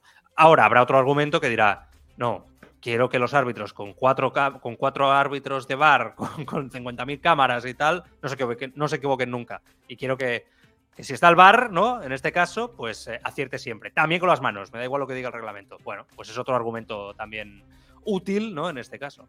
No, está claro. O sea, yo, entiendo. Claro, cuando tú te pones a analizar la posición de, de Klaus Gómez, ¿no? Y la gente que está ahora mismo en el comité técnico de árbitros, los errores, yo entiendo que ellos hacen el informe y dicen, ostras, pues si es que al final se nos han escapado 15 manos, ¿no? Eh, no son tantas, ¿no? De, de 1.600 que ha habido. Son muy pocas. De hecho, hay que congratularse. El problema es que el fútbol y esto se, se, ha intentado explicar muchas veces, con, con tantos casos y, y, equipos, y ya no solo de árbitros, te hablo de todo, el fútbol no, no es una cuestión de estadística ni es una cuestión en el que la lógica impere, impera la pasión. Entonces, bueno, ¿qué le importa? Claro, ¿qué le importa? Con todo el respeto eh, a Héctor Gómez, al Villarreal o al Real Madrid, que son los casos más recientes, que haya habido 1.600 manos arbitradas y ese fin de semana que bueno, te está jugando la liga, pero, la mano no te la han claro, pitado bien. ¿Me entiendes? Pero es su manera decir, de justificarse. Exacto, yo lo entiendo. No, y Ellos que me parece dicen, lógica. Voy a fallar, le ha tocado al Villarreal, le ha tocado al otro. Que me parece otro, lógica. Lo que, hay. que me parece lógica. Lo que, lo que yo quiero decir es que ellos también tienen que saber convivir con eso. Yo detectaba un cierto tono aleccionador de, de Clos Gómez. Cuando, cuando, bueno, no solo de Clos Gómez, ¿eh? de, de, todos los que han ido hablando de este tema por parte del CTA muchas veces de que nosotros no entendemos la profesión de árbitro. Evidentemente nos falta mucha pedagogía porque primero no lo han hecho ellos. O sea, eso para empezar. Y segundo, el fútbol, por mucho que lo expliquen y por mucho que nos lo digan de esta manera, de la otra, con un gráfico, con juguetitos o con, un, o con una rueda de prensa, que me parece muy bien y lo celebramos todos, la gente siempre va a continuar teniendo este tipo de quejas y los equipos, ya no solo los aficionados, sino también los propios clubes, el día que le perjudiquen, como tú dices, sea el día de, pues la tenemos montada. Y es algo que nunca jamás se va a poder arreglar ni con el bar ni con ningún tipo de ayuda. En conclusión, va a seguir habiendo errores con las y manos. Tanto, sí, sí. O sea, pero, però què hay que decírselo a la gente? O sea, és que jo, jo entenc que la frustració és enorme, però que aquest esport no és perfecte, tal com està ara mateix eh, dissenyat i tal com els àrbitres entenen el disseny sobre la reglamentació i sobre l'aplicació del reglament. Llavors, seguiran havent errors. Ho hem d'acceptar? Sí, sí. Es que ahora, que ells, ells, ells haurien de fer potser un esforç, esto no se lo he notado mucho, ¿eh? por explicar mejor el tema de las manos, yo creo que sí. Esto yo hoy no se lo he notado, ¿eh? incluso ha habido una pregunta que, que, ha habido un compañero que le ha dicho, si ahora llegara un marciano de, de, de Marte y se sentara aquí y usted le tuviera que explicar la normativa de las manos, ¿qué le contestaría? Y le ha pegado una respuesta de cuatro minutos y medio, especulando sobre la vida, las manos y tal, y yo he pensado, madre mía. O sea, es que digo, no, es, no, porque lo fácil era decir manos así, manos así, y no han querido porque saben que esas respuestas se giran en contra cuando después hay una decisión y es lo primero que sale. Y ellos son perros viejos, evidentemente, Medina Cantalejo y Clos Gómez, saben de qué va el tema y no se quieren exponer. Bueno, sobre Mateo Laoz, Medina Cantalejo, també ha parlat. Sabeu que s'havia dit que es o no que es retirava després dels últims arbitratges del Mundial, que ho estava passant malament. Ha parlat el president del Comitè Tècnic d'Àrbitres. Juzgar a un árbitro en público eh, no me parece lo adecuado, ¿verdad? Lo que hayamos tenido que hablar lo hemos hablado ahora, no solo ahora, no solo ahora, el año pasado creo que fui franco y fui claro en cuanto a lo que es lo que como comité de árbitros, como federación, esperamos de un árbitro y una de las principales herramientas debe ser la discreción, tiene que ser aislarte de los focos y de todo, y a partir de ahí, eh, oye, es un excelente árbitro, es un excelente árbitro que está claro que está superando ahora mismo un momento complicado como ha sido la marcha del Mundial. Daros cuenta que las expectativas que teníamos eh, era de que Toño tuviera chance para llegar por primera vez en la historia a pitar una final de un Mundial. Se dieron una serie de circunstancias que no son, creo, motivo de debate aquí, donde, bueno, quien tiene que decidir en ese momento es la Comisión de Árbitros de FIFA y decide que se marche. No es fácil, ¿eh? No es fácil el superar, el no quedarte, la crítica exacerbada las tarjetas. Mira, las tarjetas muchas veces tenemos que analizar si son correctas o no. Eh, todavía recuerdo yo el Mundial de, de, López Nieto, que sacó 18, clip a clip, todas eran. Y yo recuerdo esa llamada que le hice a Antonio, yo entonces era como mi maestro, Antonio, tú tranquilo, y dice Luis, me vuelvo, seguro, me vuelvo. Eso funciona así, ¿verdad? La de Ivanov, que también fue el máximo tal, pues a Mateo le ha tocado bregar con ese partido y a partir de ahí tal. También se han publicado cuestiones, ¿no? De, que si paraba por decisión del comité. Mira, lo que tenemos que hacer lo haremos. La decisión que tenemos que tomar la tomaremos. Pero que la semana pasada, eh, si veis matemáticamente y el criterio que hemos seguido, nunca un árbitro repite jornada, salvo lesión. Ahora tenemos dos, dos con pequeñas roturitas y hemos tenido que hacer unos ajustes en la Copa del Rey. Pero que no ha habido nada de eso. No ha habido nada de eso. Y lo otro ha sido la retirada. Yo siempre he escuchado desde que era pequeño y las ondas de noche aquello de confrontar la noticia, ¿no? Es decir, alguien publicó no sé dónde, creo que ha sido fuera de España, ¿verdad? Que se retiraba de un país implicado en cierta polémica que hemos tenido, se marcha. Pues ya os digo aquí que no ha habido ningún tipo de comunicación, ninguna llamada, ningún escrito por parte de Toño Mateu diciendo ni que se quiere marchar ni nada. Oye, a final de temporada ya se decidirá qué es lo que hay que hacer. Pero, pero no ha habido nada de eso, no ha habido absolutamente nada, ya os digo. Y claro, tú leías y era todas, todos los medios publicando que Mateu se marchaba, que había decidido, que estaba quemado, que tal. No ha habido nada, yo os digo, eso sí que es algo que puedo decir hoy. No ha habido llamada ni escrito por parte de Mateu que de motu propio decida dejarlo por, por las circunstancias que sean. Oye, y lo mismo, a final de temporada nos sorprenda todo y dice que está cansado o no, no lo sé. Es libre hacerlo y nosotros de tomar la determinación que tengamos que tomar al final de temporada.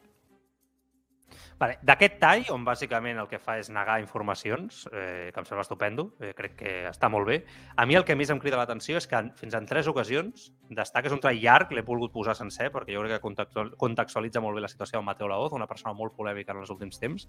A mi el que més em crida l'atenció és que fins a tres vegades diu allò de, bueno, ya veremos a final de temporada si nosotros tenemos que tomar una decisión con Mateo o no, y si se, tenemos, se tiene que tomar una decisión, la tomaremos. Eh, jo crec que està sobre la taula, per part de la Federació Espanyola de Futbol, carregar-se Mateo Laoz. O sigui, crec que ells són conscients. I comença el tall dient un àrbitre, primero de todo, lo que tiene que ser es discreto. O sigui, primer de tot el tall és voy a ayudar a Mateo Laoz, però le voy a dar un palo, ¿no? O sea, crec que hi ha un problema amb Mateo Laoz. I, i, i a dins de la federació també. Mm, potser s'ha exagerat algunes informacions. I mira, jo me'l crec, que el que diu Medina de Gandalejo, però que hi ha un problema, que no estan contents amb l'estil. Yo, yo, vamos, yo ho veig molt evident, ¿eh? Y, y, eh, escoltant-lo. y sobre todo la, la sensación es un poco que, que yo creo que ellos han perdido el control. Ya lo dijimos hace una semana, ¿no? Cuando pasó la, toda la polémica del Barça español, la sensación es que el CTA ya ha perdido el control. De... Mateo está descontrolado ahora mismo desde el, desde el Mundial, ¿no? Si antes siempre ha sido un, un, árbitro, ¿no? Que tenía esa tendencia, ¿no? A ser protagonista en algunos partidos, sobre todo en grandes encuentros. Yo creo que desde el Mundial, ahora mismo, eh, se ven toda la prensa mundial como un enemigo número uno, no, no, solo en España, sino en todo el mundo, Holanda, Argentina, todo el mundo habla de Mateu, Mateu, Mateu, Mateu.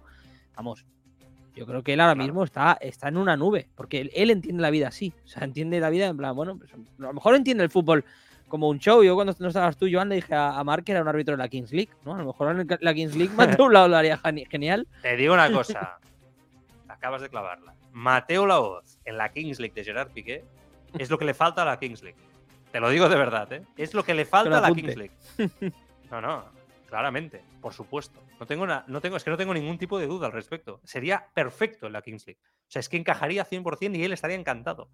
No sé, bueno, lo de sempre. I un últim tall. Contesta Xavi per quan Xavi ha demanat en diferents ocasions en rodes de premsa demanant que els àrbitres s'expliquin després dels partits i que parlin davant dels mitjans de comunicació, igual que ho fa tothom o totes les parts implicades. Jo compro aquesta teoria de Xavi, sempre l'he comprada, i Medina Cantalejo contesta a l'entrenador del Barça. La, mira, el, árbitro que esté en primera división y que esté en la élite tiene que estar preparado para la crítica de entrenadores, de jugadores, de directivos, de los medios de comunicación, porque no es fácil, ¿verdad? No es fácil yo llegar a casa y familia y todo, porque, porque son personas normales y corrientes. Pero tiene que estar preparado. No puede llegar y decir que la presión te puede o que llegas a un campo tensionado porque ha habido un artículo que se ha escrito o un entrenador que ha dicho algo. Yo respeto absolutamente las palabras de Xavi y de todos los entrenadores y no entraré nunca a juzgarlas. Por otro lado, que los árbitros salgan después de un partido a explicar, ya te digo, que salvo cambio o que me marche, no. No, porque sería someterlo a un juicio sumarísimo. ¿Sabes por qué? Porque si tenemos ya el VAR, que el compañero te está diciendo que no, y tal, lo más que te puedo explicar es mi visión y reiterar algo que estamos hablando continuamente. Y todo sería, es que es usted el cuarto penalti que se equivoca contra, estamos hablando del Barcelona, ¿verdad? Contra el Barcelona. Y en el año 1914 ya se equivocó en el primero. Eso funciona así. Por lo tanto, respeto absoluto a las opiniones de los entrenadores, siempre que sean respetuosas con nosotros, pero en este caso yo no soy partidario de que los... Primero, además, no se hace en ningún país del mundo. Se empezó a hacer hace poco en Holanda, creo que fue, eh, tal, y lo han quitado. Eh, lo han quitado, o sea, automáticamente lo han quitado porque no era productivo, no daba ningún tipo de, de beneficio y, oye, permitirme al menos que en eso seamos ciertamente protectores con nuestros árbitros. Mm, no estic d'acord. O sigui, clar que evidentment hi hauria preguntes de periodistes dient-li oye, se equivocó usted en este día ante el otro, es reincidente, etc. Clar que sí. Però jo crec que ajudaria molt més a la gent a entendre les decisions dels àrbitres. Que els àrbitres parlessin davant dels mitjans de comunicació. I per què el jugador o l'entrenador o les parts implicades han d'estar exposades i l'àrbitre, com diu Medina Candelejo, d'estar sobreprotegit? Perquè jo entenc l'argument que esgrimeix, però clar, el sobreprotegeix. I per què? Que tenen un dret especial? Són for formen part activa de, de, de la situació? Evidentment, són els jutges de tota aquesta situació, però haurien d'explicar-nos el per què d'això, d'allò, d'aquelles mans, d'aquella decisió, i segurament, feta la pedagogia, a molts ens ajudaría a entender molt millor el joc i el reglament.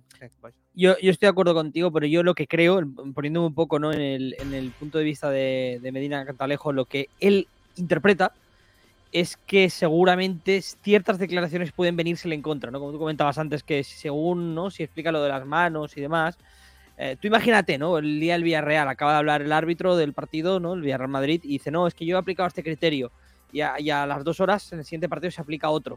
¿No? Es una decisión similar.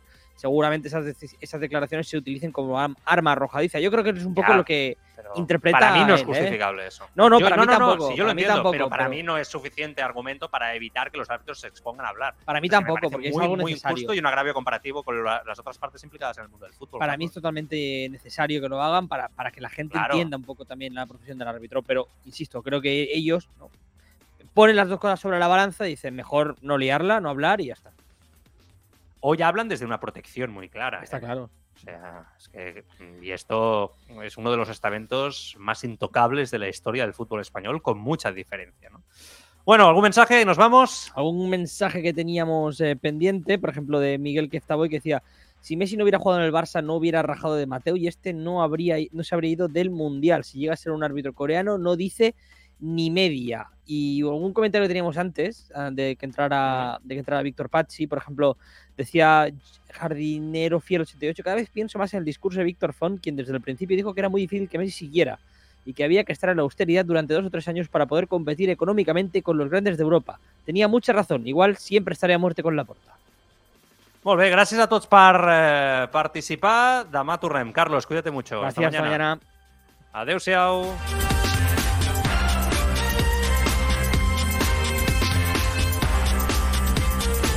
Los amantes del ciclismo ya tenéis vuestro podcast. Seas globero, amateur o profesional, apúntate a la grupeta de Escapa Podcast. La actualidad de la semana, las competiciones, ciclistas destacados, equipos. Escapa Podcast, con entrevistas, debate, la información técnica y las novedades del mercado de la bici gracias a la tienda líder de ciclismo. Escapa. Ponte el maillot con nosotros. Escapa Podcast en las principales plataformas de podcasting.